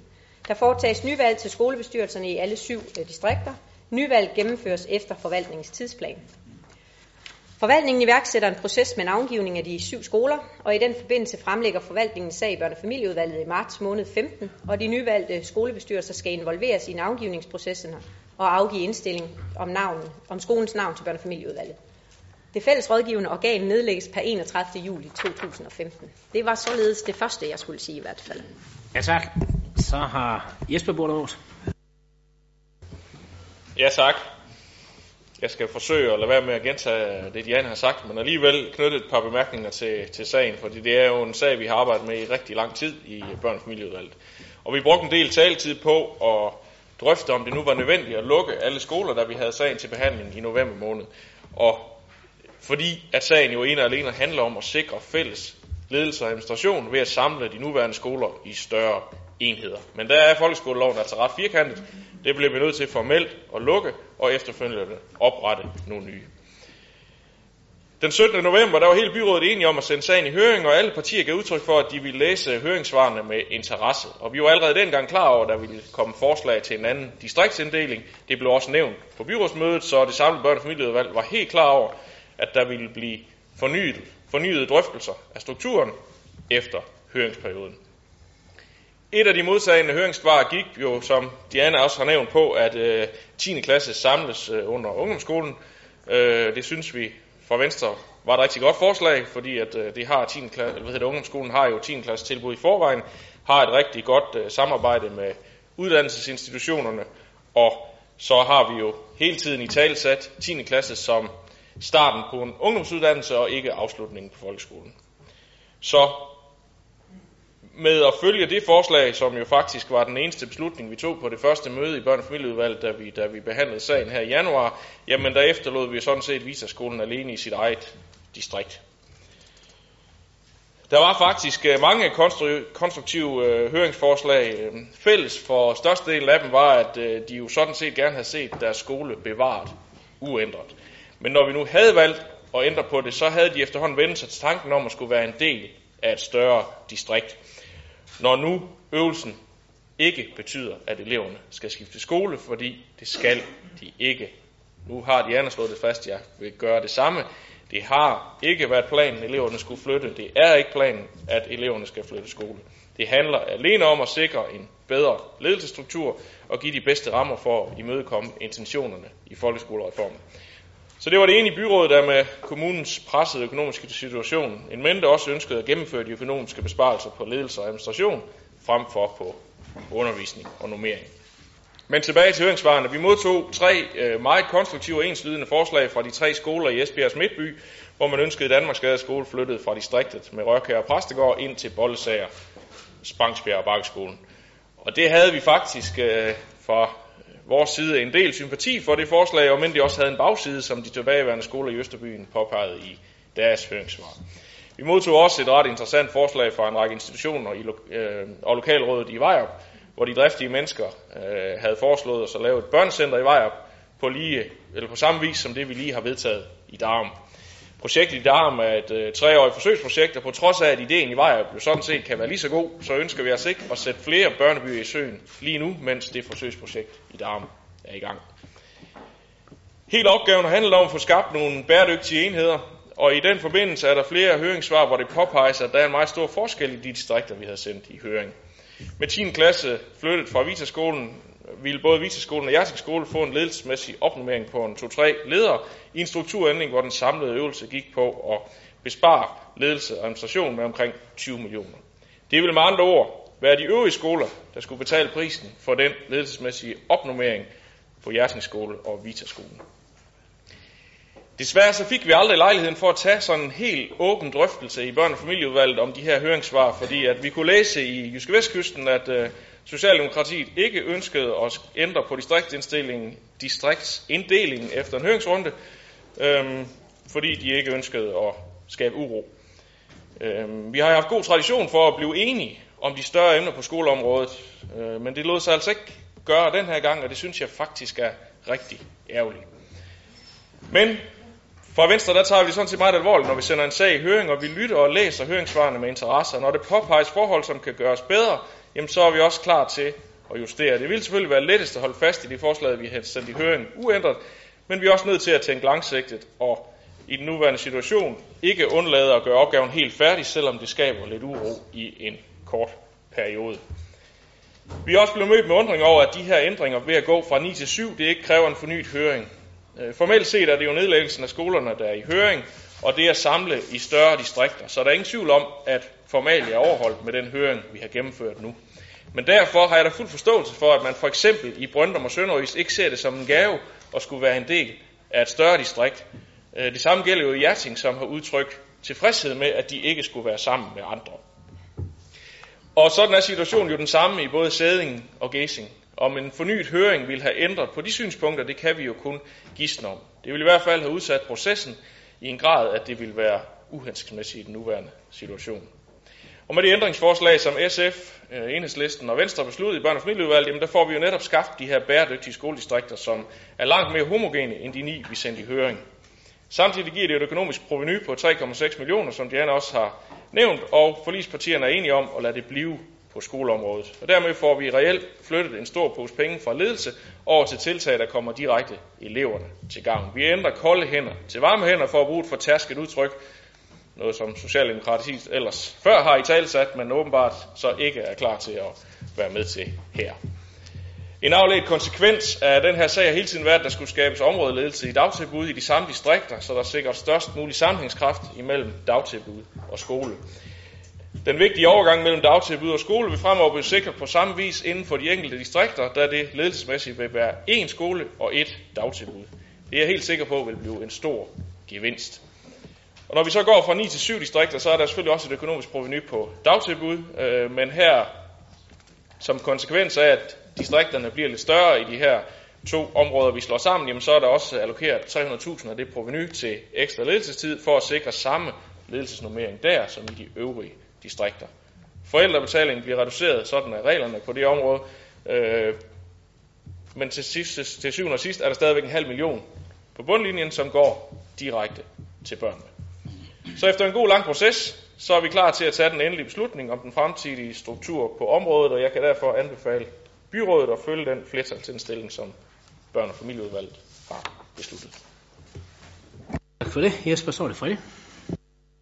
Ja, tak.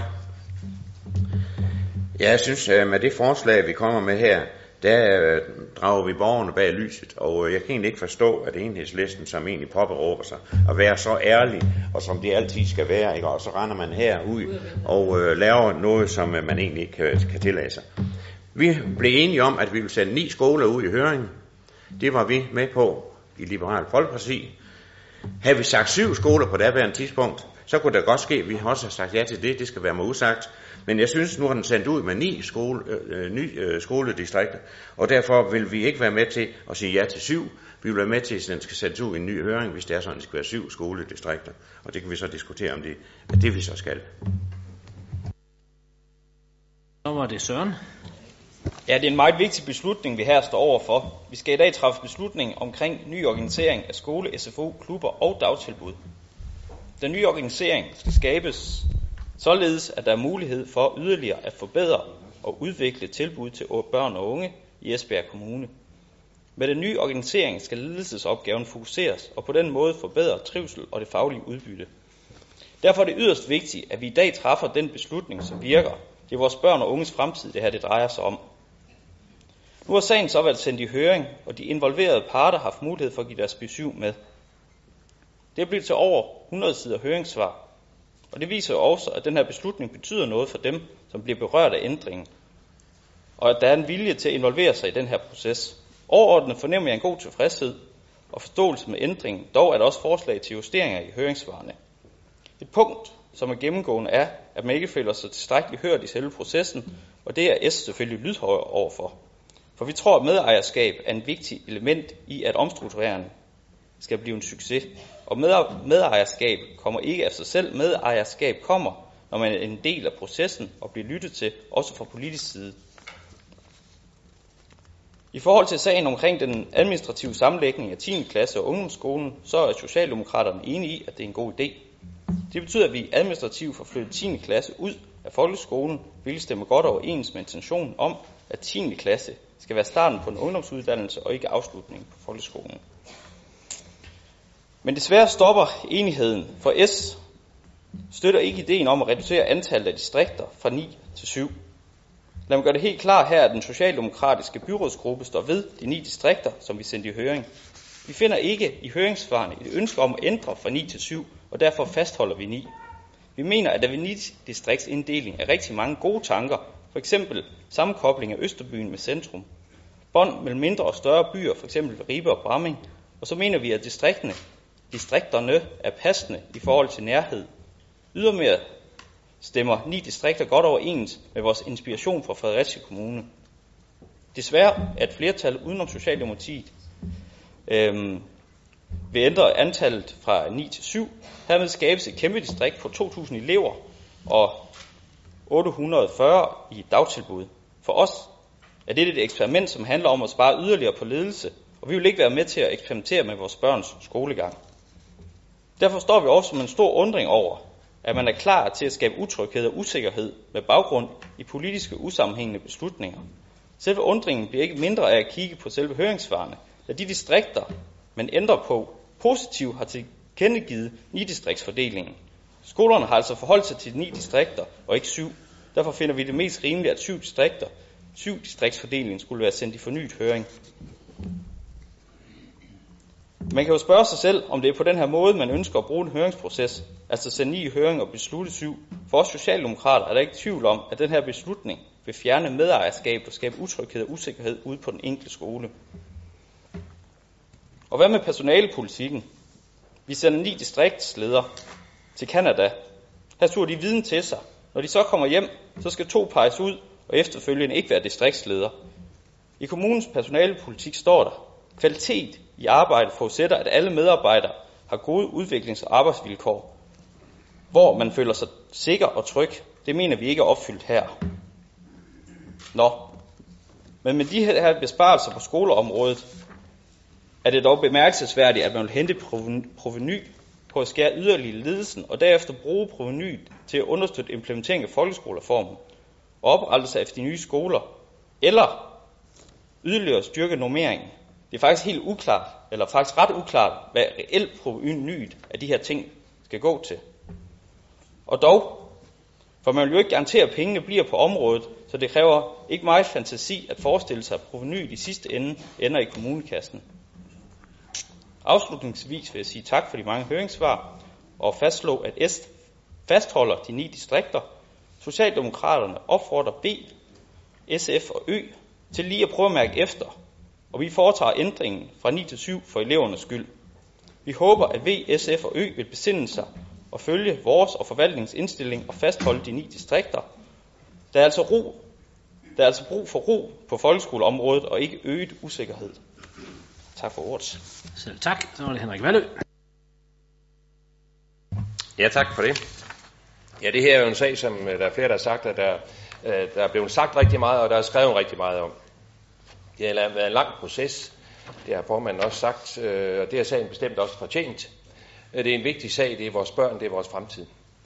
De overvejelser, der har ført frem til det ændringsforslag, der er kommet fra VF og Ø her med hensyn til syv skoledistrikter i stedet for ni skoledistrikter, øh, der ligger i det første forslag, kan vi fra konservativ side godt tilslutte os. Det handlede om at etablere nogle mere bæredygtige distrikter eller enheder, og det føler jeg, at man har fundet med den her plan. At der også er lidt økonomi i den, øh, og, det på, øh, og det uden at det på nogen måde går ud over børnene, det har vi jo fået garantier for her i dag, det er naturligvis et plus. Og at man i første omgang vil lade pengene blive på området, det er jeg i og for sig enig i.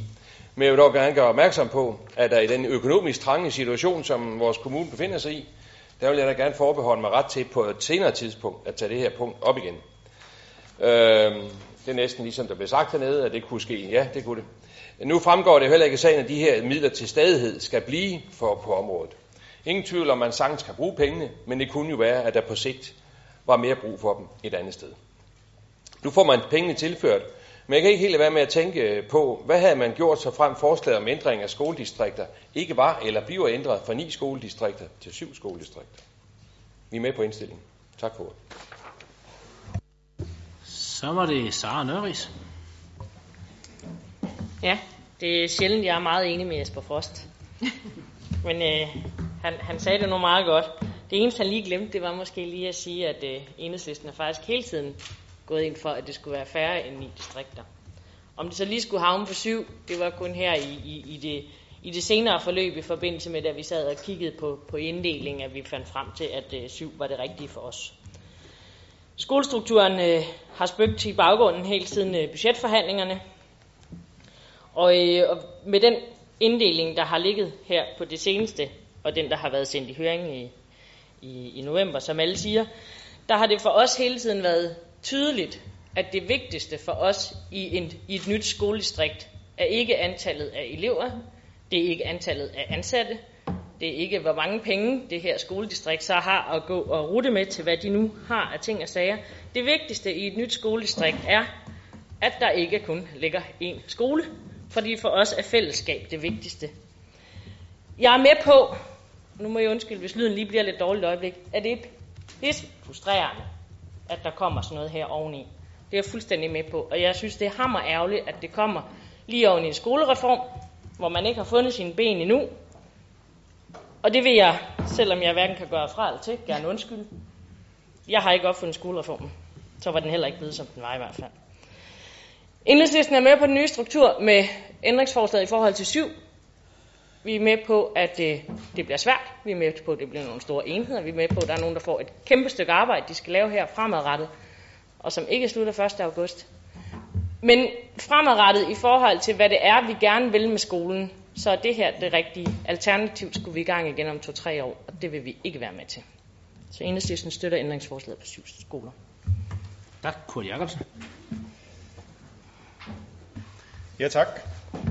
Nu sidder jeg jo som kendt ikke i børne- og familieudvalget, men har jeg haft for fornøjelsen af at sidde i, øh, i udvalget i de to foregående perioder, hvor vi jo har gennemført ret massive øh, ændringer på hele skolestrukturen.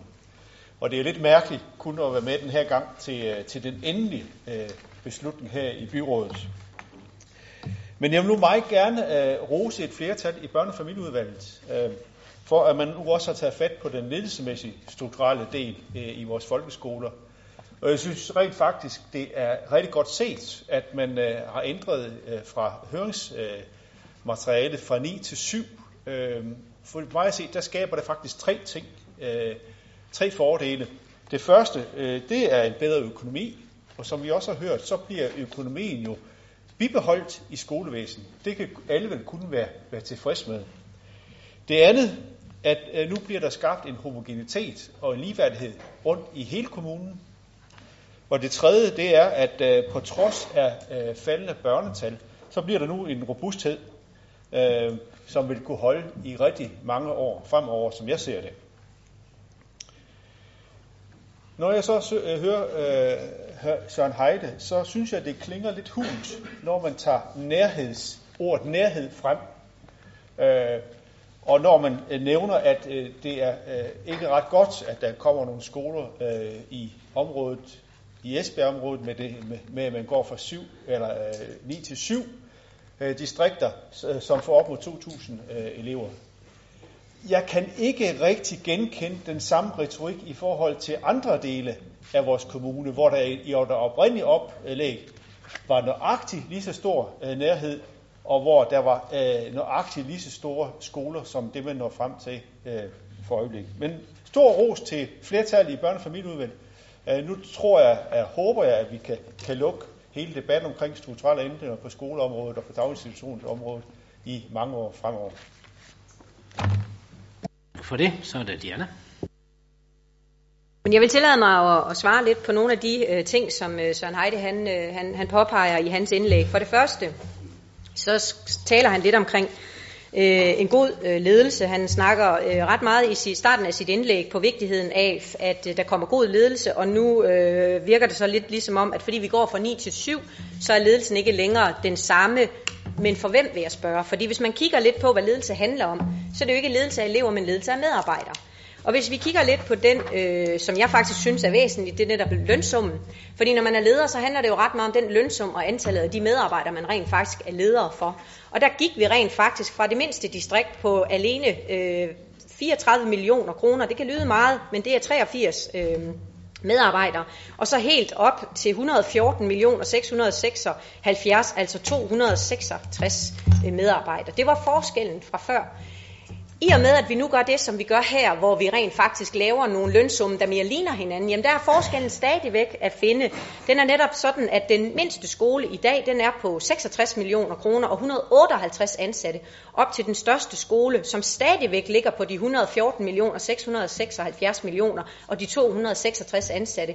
Fordi selvom vi egentlig lidt har hørt Søren Heide tale lidt om den her meget store skole Vita, så er det rent faktisk ikke den, der bonger ud som nummer et på listen i forhold til den, større, altså i forhold til den største af skolerne lønsumsmæssigt. Det er den, der hele tiden har været den største.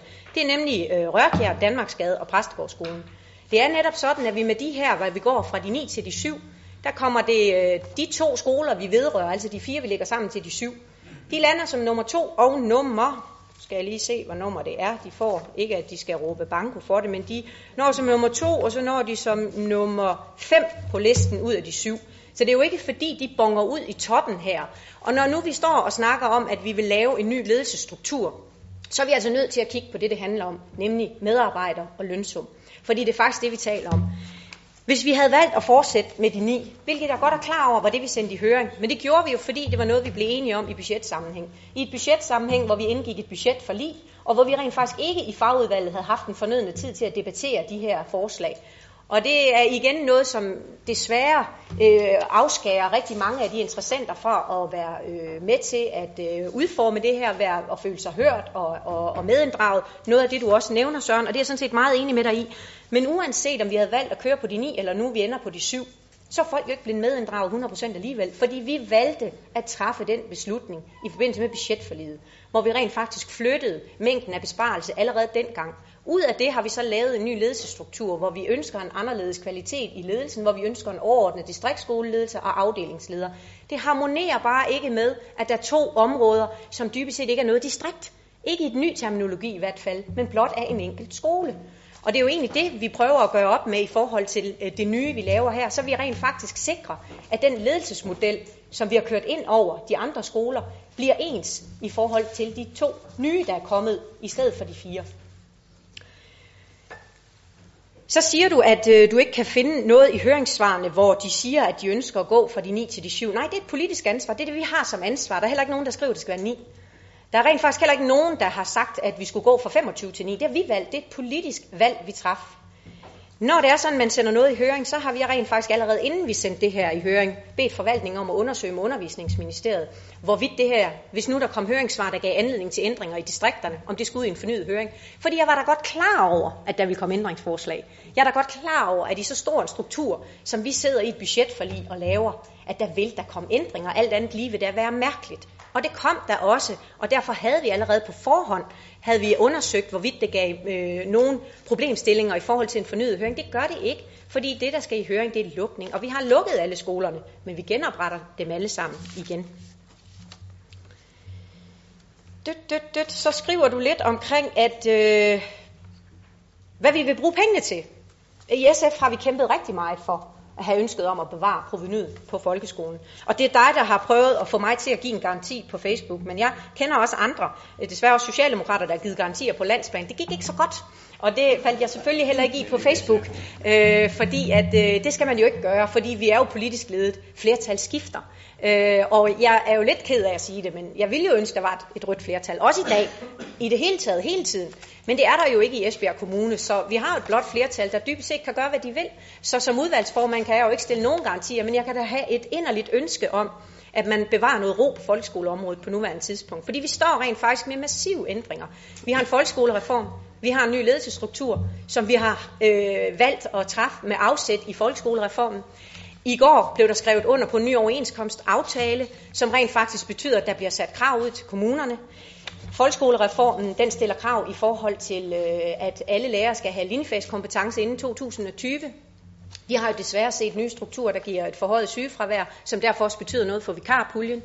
Vi har et dagtilbudsområde, hvor øh, vi har anvendt allerede nu nogle af midlerne til at sikre, at der er en ensartethed i ledelsen.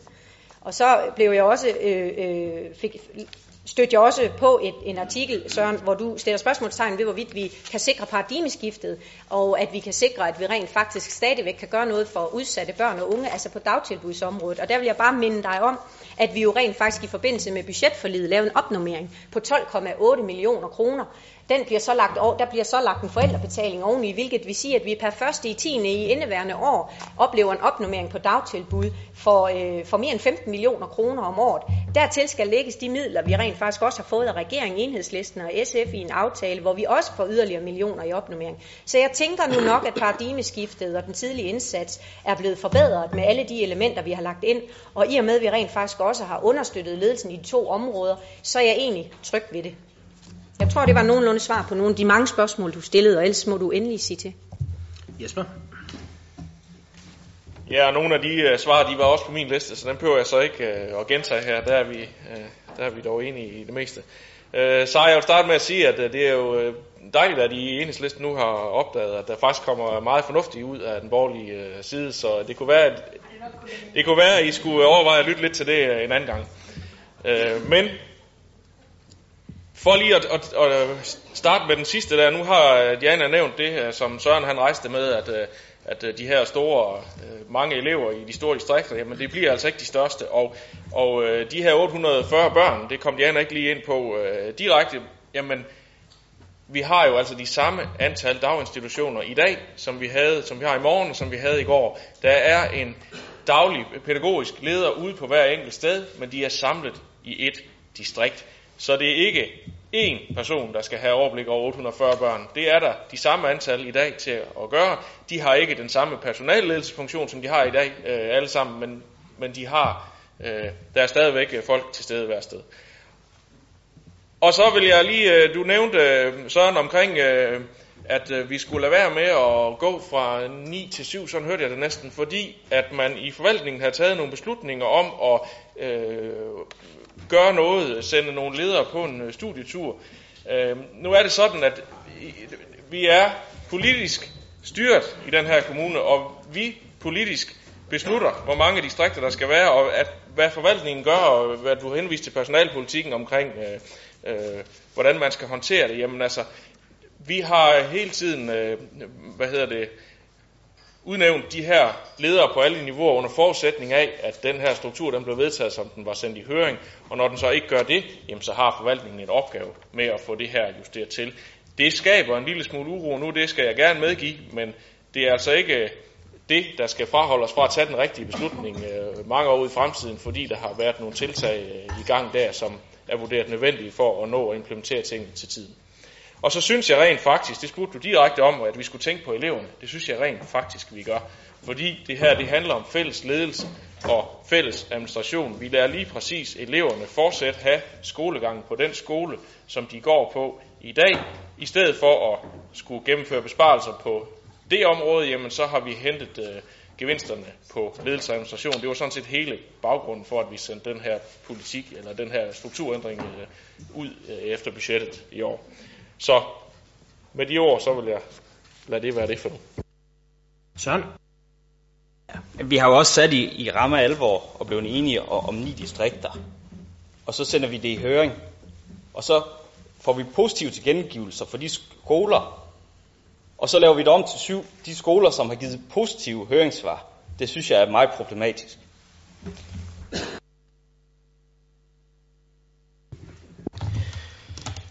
Vi har nu hørt to meget lange indlæg.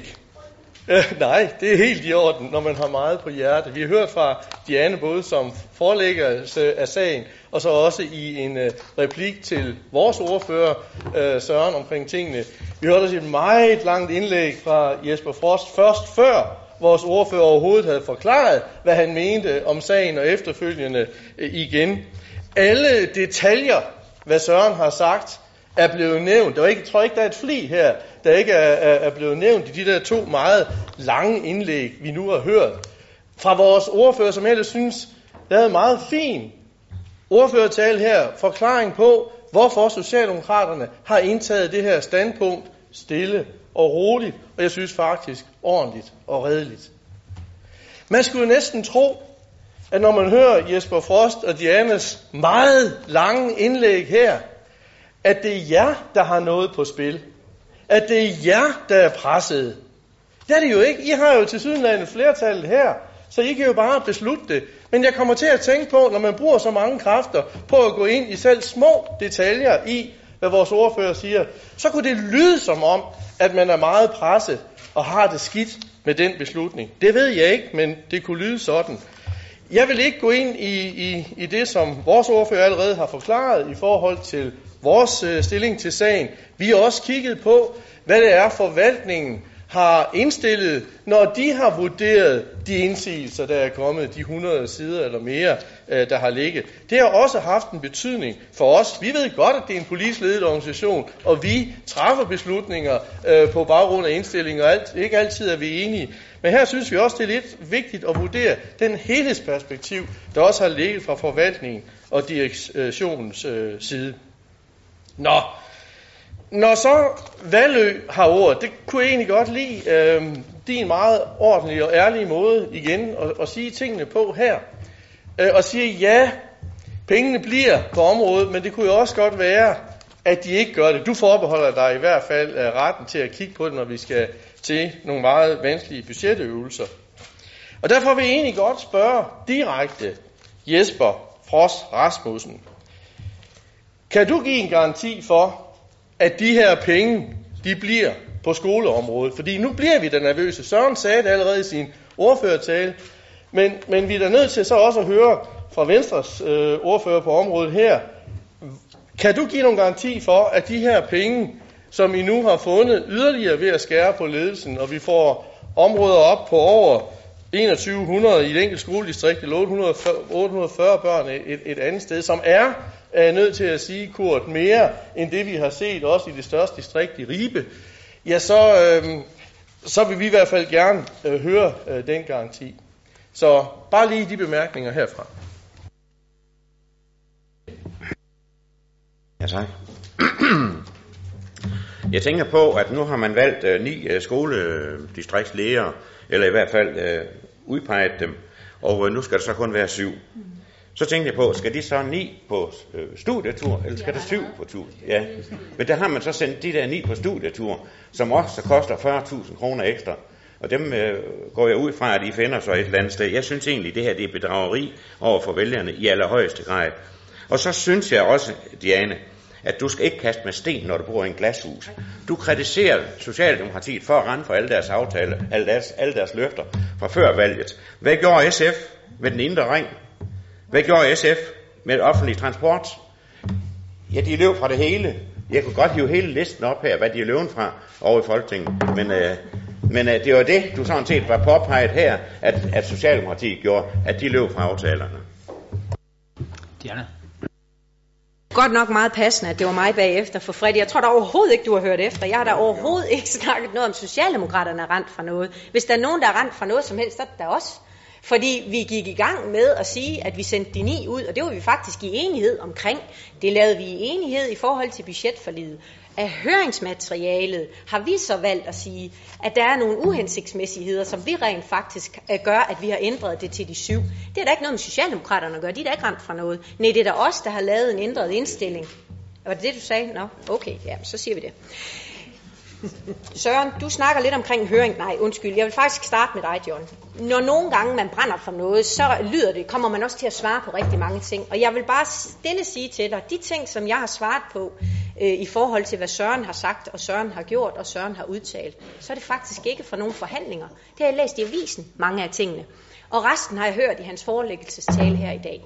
Så jeg synes måske, at det er okay at knytte en kommentar, når man fører forhandlinger i avisen, eller lukker ned for forhandlinger i avisen, for det er vi faktisk ikke tradition for. Eller når man forsøger at føre en dialog, forholdsvis harsk på Facebook, så synes jeg faktisk, at jeg er berettiget til at svare på det. Øh, og det synes jeg egentlig er helt fair, og jeg synes, jeg har gjort det stille og roligt og med et smil. Jeg har hverken gået til angreb eller andet, jeg har bare prøvet at svare på det. Så det synes jeg egentlig er væsentligt. Jeg har egentlig ikke nogen intentioner om at skulle ind og, øh, overbevise nogen om noget, eller har en anderledes eller ubehagelig fornemmelse i maven. Jeg tror rent faktisk på, at vi med i dag skaber de rigtige distrikter med de syv. Og når det er sådan, at jeg synes, det er så væsentligt at få svaret på så mange ting, så er det fordi, jeg synes lidt, der har været en tendens til, dels via medierne, men rent faktisk også med nogle af de skriverier, der har været, at tegne et skræmmebillede. Et skræmmebillede, som gør forældre utrygge, og også unødigt utrygge i forhold til, at det her det er en ledelsesstruktur, øh, vi ændrer på. Fordi som Jesper han også siger, på dagtilbud blev der jo netop forleden stillet spørgsmålstegn ved, hvorvidt paradigmeskiftet rent faktisk kunne gennemføres. Der blev stillet spørgsmålstegn ved tidlig indsats, om man overhovedet på dagtilbudsområdet kunne have et øje for ungerne. Og man kan jo sige, at de går i de samme daginstitutioner, det er de samme pædagoger, rent faktisk med en opnummering på, på 15 millioner kroner plus lidt ekstra her på den første i 10. Så jeg tænker nu nok, at hvis ikke de kan gøre det på det tidspunkt, så vil jeg da være stærkt bekymret for det før. Så jeg synes egentlig, det er helt legitimt at forsøge at skabe nogle svar til de mange, der rent faktisk må sidde og undre sig over den debat, vi efterhånden har haft. Når jeg hører, at I siger det her med, at man sender noget i høring, og at I kan undre jer over, at vi ændrer det, så forstår jeg simpelthen ikke hele begrebet med høring. Altså det er jo rent faktisk det, vi gør, når vi sender noget i høring, og det er da ikke første gang, det er sket. Øh, vi får tit øh, skudt i skoene, at vi jo aldrig ændrer på noget, så hvorfor søren skulle vi da overhovedet sende noget i høring? Vi har alligevel besluttet jer. Jamen det har vi jo ikke. Rent faktisk sender vi de ting i høring, som vi rent faktisk øh, ønsker at få tilbagesvar på. I siger ganske rigtigt også, at i høringssvarene, øh, der lige præcis de her distrikter, som nu bliver ramt, øh, de er faktisk godt tilfreds. Mm, det tror der pokker. Altså, de er jo nogle af de eneste, der stort set er gået fri. Tværtimod to af dem får en opnummering på ledelsesdelen. Så jeg kan da godt forstå, at de har været forholdsvis tilfredse med den situation, de er stået i. Jeg har rent faktisk også fuld forståelse for, at man ude på Vita synes, at det er frustrerende at skulle igennem den her proces igen. Jeg tror, at en skar står på samme måde. De er så flere skoler, de bliver lagt sammen med. Så jeg synes faktisk, at vi prøver at gå ind og kigge på Esbjerg Kommunes skolevæsen under et, og ikke til gode ser enkelte områder frem for andre. Så er der de her ledere, det er rent faktisk sådan, at Da vores distriktledere blev ansat, og da vores områdeledere blev ansat, er de alle sammen ansat under forudsætning for den endelige politiske godkendelse. Jeg ved sågar, det står øh, i de papirer, de rent faktisk har fået. Det er stået i alt materialet, der er sendt ud. Vi kan godt stå politisk og synes, det er uhensigtsmæssigt, og det har vi også givet udtryk for, at det er uheldigt. Vi har også givet udtryk for, at vi havde et ønske om, at man var stille og rolig og lod være med at arbejde for mig, fordi at vi har faktisk ikke endelig politisk besluttet noget endnu. Det er bare sådan, at hvis det var sådan, at man for eksempel bare på skoleområdet først skulle i gang med ansættelsesproceduren med videre nu, så vil det gå op til tre måneder. Så er vi altså henne i maj måned, og hvis man kender nogenlunde til, hvordan folkeskolekalender ser ud med planlægning af næste års skole, og så vil det virkelig være en vanskelig øvelse. Men jeg, jeg er enig i, at det er et, øh, ikke et skønmaleri. Jeg synes, det er uhensigtsmæssigt. Jeg synes, det er ærgerligt, at det ikke kunne gøres anderledes. Men der er vi bare nødsaget til at lytte til, at forvaltningen de har indstillet til os, fortalt os. Det er rent faktisk ikke politisk besluttet, det er sådan, det skal være, men forvaltningen har orienteret os om, at det er den mest hensigtsmæssige måde at drive forvaltningen på, og rent faktisk ansætte dem på under de forudsætninger, og det har vi sådan set øh, bakket op omkring. Så er det Ja. John, det kan være okay at komme med lange indlæg en gang imellem. Det, det skal jeg ikke... øh, Det, det, det, det kan man godt sige, det kan man godt øh, komme til, hvis man har mig, der skal have sagt. Og det, øh, det kunne jo også ske for dig en dag, det ved man ikke. Øhm, så, så vil jeg sige, at øh, jeg skal forsøge at gøre det her kort. Øh, vi er overhovedet ikke presset, hvis det var det, det du ligesom gav udtryk for der. Vi undrer os sådan set bare over, at I har meldt jer fuldstændig ud af de drøftelser, da vi lige skulle til at blive enige om, hvordan det her det skulle lande. Og det er sådan set det, der gør, at vi øh, reagerer lidt. Og så, øh, som Diana også har sagt, så har vi jo både via avisen og de sociale medier skulle stå model til lidt af hvert. Og øh, jamen, det synes vi sådan set, det er helt på sin plads at, at reagere på. Og så for at svare på det, du egentlig spurgte om, øh, kan vi give nogen garanti? Øh, det kan man ikke i den her verden. Det er en demokratisk øh, proces og skal håndtere Esbjerg Kommunes økonomi. I dag har et flertal besluttet at lægge penge tilbage i byrådssalen. Hvad der sker, når vi kommer hen på et senere tidspunkt, det må jo et flertal i byrådet afgøre, hvad, hvordan pengene skal fordeles. Vi flytter ikke penge ud øh, her. Vi lægger penge ned på skoleområdet. Hvis det, hvis det var det, I gerne ville, og så I kunne være med, så kunne I selvfølgelig godt have kommet med det forslag. Men det hører jeg dog heller ikke, øh, at det er det, I vil. Så hvordan øh, budgetprocesserne kører i Esbjerg Kommune, det må jo vise sig. Den situation står vi i, uanset om vi havde været, haft ni distrikter eller syv distrikter, jamen så får vi jo øh, en opgave, øh, når vi skal lægge budget, og den håndterer vi på det tidspunkt, og ikke i dag. Så. Ja, John, jeg vil gerne give dig en garanti for, at enhedslisten ikke tager pengene i budgetforhandlingerne. Jeg tror ikke, du kan bruge den til særlig meget. Men øh, den er i hvert fald her. Så vil jeg gerne sige forhold til det der med de der studieture og vores øh, kære ledere. Det har vi hele tiden synes, både at de skulle afsted til Kanada, og at de skulle afsted, inden vi havde truffet beslutningen, var noget pjat. Det kom jeg så ikke så langt med. Så sådan er verden jo så bare desværre også en gang imellem. Men jeg er enig i, at jeg synes, det er en mærkelig omvendt måde, omvendt rækkefølge at gøre tingene i. Men det var nu engang sådan, at det så skulle gøres, og det har jeg så ikke så meget indflydelse på. Men ja, det synes jeg også var lidt uheldigt. John. Så vi må sige, debatten afslører, at vi ved ikke, om ændringen fra de ni skoledistrikter til de syv skoledistrikters proveny giver nogle forbedringer på folkeskolen. Det ved vi ikke. Det er det, øh, debatten har, har vist her. Øh, og når jeg sagde det med de lange indlæg, jeg anerkender Jesper og Diana, at man kan være engageret og tale længe om nogen. Men jeg synes bare, at det jeg hørte her, fik mig til at tro, om I var presset, og følte jer presset, siden det var vigtigt at få sagt alle de her store og små ting imellem hinanden. Vi var glade for, og det vil vi gerne anerkende, Diana, at selv om den her proces var så presset, at, at vi fik lejlighed til, at vi otte andre i den socialdemokratiske gruppe fik lejlighed til at diskutere det her spørgsmål, inden det nu kom frem for byrådet. Og det kun var vores øh, mand i børn, børn- og familieudvalget, øh, der alene skulle træffe den afgørelse. Vi var glade for, at det var muligt at, at samordne tingene, sådan at vi behandlede økonomiudvalget i dag, og samtidig på byrådet, sådan at vi kunne få en ordentlig drøftelse af de her forhold øh, i den socialdemokratiske gruppe. Og det er den drøftelse og vores studeringer af høringssvarene, der har gjort, at vi har taget det her standpunkt, og det synes jeg, vi øh, meget klart har redegjort for, og jeg synes Søren, som vores ordfører, har, har gjort det. Jeg synes, Jeg, synes, jeg forstår ikke helt, at I, I går så hårdt til den. Jeg synes ikke, at vi på nogen måde har bidraget til at lave nogle skræmmebilleder på den her måde. Det gjorde så absolut heller ikke i, i sit indlæg. Men omkring det, som er vigtigt for os, når vi sender noget til høring, om det så skal ændres eller ej, det er et spørgsmål om, hvad er det så for nogle høringssvar, der kommer, og vurderingen af de høringssvar. Er der nogen udvalg, der sender noget til høring, Karsten, så er det planen om det udvalget. Øh, og vi sender et hver planforslag til høring. Vi synes bare, at den her sag, den minder lidt om, at hvis vi sendte et planforslag om et højhus til høring hos nogle naboer, nogle borgere, som var syv etager høj, og så der var entreprenøren og en anden, der sagde, at den skal være ni etager, det synes vi der er en god idé, og så vedtager vi det. Det ville så ikke kunne lade sig gøre, fordi det er så stor en ændring, at det ville der nok være nogen, der ville være kede af. Men det er sådan, vi oplever lidt det her, at man sender et syvetages højhus i høring, så får man nogle svar, der ikke siger ret meget om, at den skal være 9 etager høj, men alligevel så vedtager man en 9 etager højs højhus. Og det er sådan, måske så vurderingen af, hvordan man tolker de høringssvar. Vi har i hvert fald ikke set, at der er noget, der siger, at det her, det skal ændres til syv. Så. Ja, jeg er ikke lige helt sikker på, at øh, den sidste, din 7 og 9 etager, den sådan helt har, har gang i virkeligheden. Jeg vil gerne fortælle dig, hvad jeg godt kunne tænke mig med syv skoledistrikter frem for ni.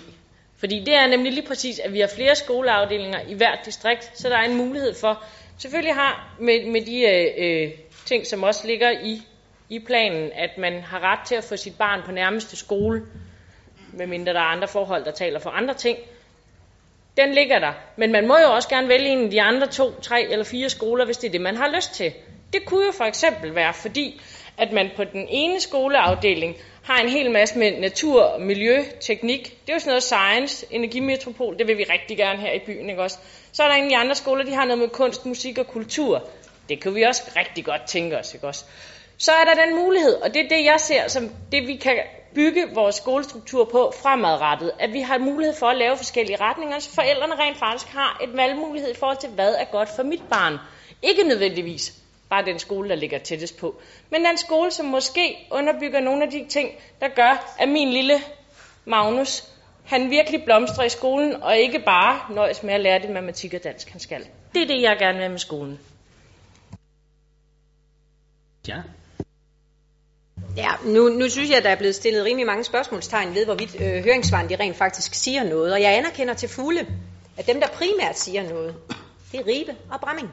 Og det forstår jeg til fulde. Men Ribe og Bramming er jo meget bekendt øh, lige så meget skoler i Esbjerg Kommunes skolevæsen, som øh, skolerne, som rent faktisk øh, er nogle af dem, vi laver om på i dag. Og noget af det, de siger noget om, det er blandt andet, at spareøvelsen rammer ikke jævnt, især medarbejdere og elever ved skolerne i Ribe og Bramming, der trækker det største læs.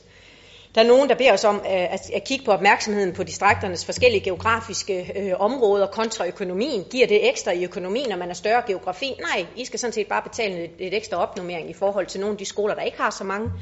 Der er en anden øh, skole, der blot konstaterer, at øh, et af distrikterne elevtalsmæssigt og geografisk er meget, meget stor. Så kan man så spørge sig selv, om det harmonerer med den nedgang i ledelsen, som de rent faktisk så øh, går i. Så er der også nogen, der spørger ind til en begrundelse, hvorfor de elevtalsmæssigt er så store i forhold til de andre. Så er der igen en anden skole, øh, som, øh, som siger lidt omkring et meget stort distrikt, der skal være fokus på økonomien. Så er der en øh, Norderskole, der rent faktisk decideret ønsker en redegørelse for fordeling af ledelsestid i de ni distrikter. Øh, hvordan får vi mere ledelsestid, når vi nu er større end de andre? Så har vi forældrene ved Gørding skole, der rent faktisk også synes, at distrikterne varierer for meget. Jeg synes faktisk, at der i seks høringssvar bliver stillet spørgsmålstegn ved distrikterne. Og det synes jeg, man skal anerkende, uanset om de skoler ikke nødvendigvis ligger i de distrikter, vi laver om på.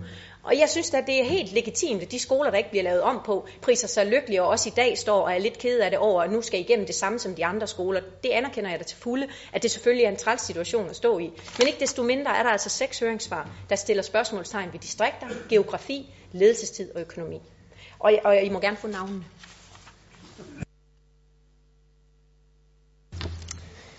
Ja, der er faktisk ikke flere på tallisten, hverken til kort eller lidt længere indlæg. Øhm, så derfor vil jeg spørge, hvem der kan stemme for flertalsindstillingen fra såvel børne- og familieudvalget som økonomiudvalget. Tak, og hvem stemmer imod? Også Tak for det. Vi vil godt have vores mindretalsudtalelse med. Ja, ja. Så går vi til sag nummer 7. Udkast til Team Danmark-aftale for perioden 2015 til 18. Og den med Jakob Lose lige fortæller os lidt mere om. Ja, det er jo mit lange indlæg i dag jo. Det, som øh, vi skal kigge på nu her, det er en ny Team Danmark-aftale, og det er faktisk den tredje rækken, som Esbjerg Kommune kommer til at indgå med Team Danmark. Jeg vil gerne fremlægge rammerne for en ny aftale, som skal være med til at indfri de ambitiøse mål, vi har som øh, kommune med optimale vilkår for eliteudøvere. Det handler blandt andet om at have en rød tråd gennem fleksible ordninger for eliteidrætsudøvere på vores uddannelser. Her er det værd at nævne, at vi har faktisk en del rigtig gode ordninger for de unge mennesker. Eliteidrætsklasserne på Vitaskolen, Esbjerg-ordningen til vores øh, gymnasiale uddannelser, videre til de videregående uddannelser, og ikke mindst det nybyggede Esbjerg Sports College. Den nye aftale kommer til at bygge videre på de gode erfaringer, som vi har opbygget sammen med Team Danmark, men der vil også blive strammet op på en række vilkår i den nye aftale. Aftalen vil have fokus på uddannelsesmentorer på uddannelsesstederne samt kurser og uddannelser for udøvere og deres forældre inden for skadesforebyggelse, kost, ernæring og idrætspsykologi. Vi er faktisk i Esbjerg Kommune rigtig langt i det, vi allerede nu arbejder med internationale partnerskaber i forhold til talentudvikling. Derudover så arbejder vi også stærkt tværfagligt med etablering af forer for cheftrænere og talenttrænere, og vi har fokus på ledelse på tværs af elitidræt og erhvervsliv. Vi vil fortsætte det store fokus på talentudvikling, som vi nu også kan måle en mærkbar effekt af. Blandt andet så kan vi faktisk nu se, at over 50% af A-trupperne i de forskellige idrætsgrene, det er egen avl. Og det må være noget, mere, noget nær Danmarks rekord for at blive jargonen. I svømningen der er det faktisk stort set hele massen. Men vi er sikre på, at det område kan udvikles endnu mere, og det vil vi nu gøre i samarbejde med Team Danmark. Den nye aftale får derfor et større perspektiv at arbejde ud fra, men sammen med Team Danmark, så vil vi også sætte større krav til prioriteringsidrætternes talentstrategi og udviklingsplan, ligesom vi har højere krav til trænerens kompetencer. Den aftale har været behandlet og godkendt i Kultur- og Fritidsudvalget den 13. januar, i Børn- og Familieudvalget den 28. januar og i Økonomiudvalget den 2. februar. Jeg vil anbefale byrådet, at man også godkender aftalen her. Ja, der er ikke nogen, der har bedt om ord til den sag, så vil jeg tage det som et tilsavn hertil. Den er hermed vedtaget. Så går vi til den sidste sag, sag nummer 8, det er endelig behandling af masterplanen for Esbjerg Strand. Værsgo, til Snedger. Mange tak for det. Det er forslag til masterplan for Esbjerg Strand, som er en strategisk plan for udviklingen af det meget store og visionære projekt Esbjerg Strand. Planen beskriver i sin helhed Esbjerg Kommunes ønsker til områdets udvikling og fremtidige anvendelse. Og visionen er at anlægge et helt nyt boligområde og en ny løsbådhavn i den nordlige del af havneområdet, som jeg vil her tillade mig at betegne som et af de helt store byudviklingsprojekter i Esbjerg i nyere tid. Det er en meget, meget spændende helhedsplan, som i høj grad bidrager til at binde by og havn sammen, og byens borgere og mange gæster kan igen uhindret opleve havn og hav på tæt hold, ligesom vi, mange esbjergenser, der har trådt vores barnesko på havnen, ynder at huske det. Det er sådan, at der kan etableres havnerelaterede kontorer og domicilbyggeri eller virksomheder, der understøtter og servicerer havnens funktioner og havneerhverv, og udviklingen af Esbjerg Strand forventes at kunne ske i, i, i, i etapper. I forhold til den høring, der nu har været i gang øh, i otte uger, ja, så er der indkommet otte breve, øh, som blandt andet omhandler bemærkninger til mulige aktiviteter og anvendelser ved den kommende Esbjerg Strand. Og det har givet anledning til en indstilling om, at der gives mulighed for at etablere en legeplads og et motionsområde, samt at der om muligt skal tages hensyn til fuglelivet ved realiseringen af masterplanen. Eventuelt, på, eventuelt hotel på Havneøen udgår, da det ikke passer ind i den overordnede planlægning. Det bliver med andre ord et rigtig smukt og spændende rekreativt område med nogle klare forbindelseslinjer til Vi Hansens populære skulpturer Mennesker ved havet, altså de fire hvide mænd, og en af byens største turistattraktioner, Fiskeri- og Søfartsmuseet. Så jeg skal dermed med plan- og miljøudvalget og økonomiudvalgets øh, anbefaling indstille til byrådet, at masterplan for Esbjerg Strand vedtages endelig med de justeringer, som jeg lige har nævnt her. Ja tak. Er der bemærkninger hertil? Det var der heller ikke, så er den også vedtaget. Tilbage kun at sige uh, tak, fordi I kom og holdt ud, som I gjorde.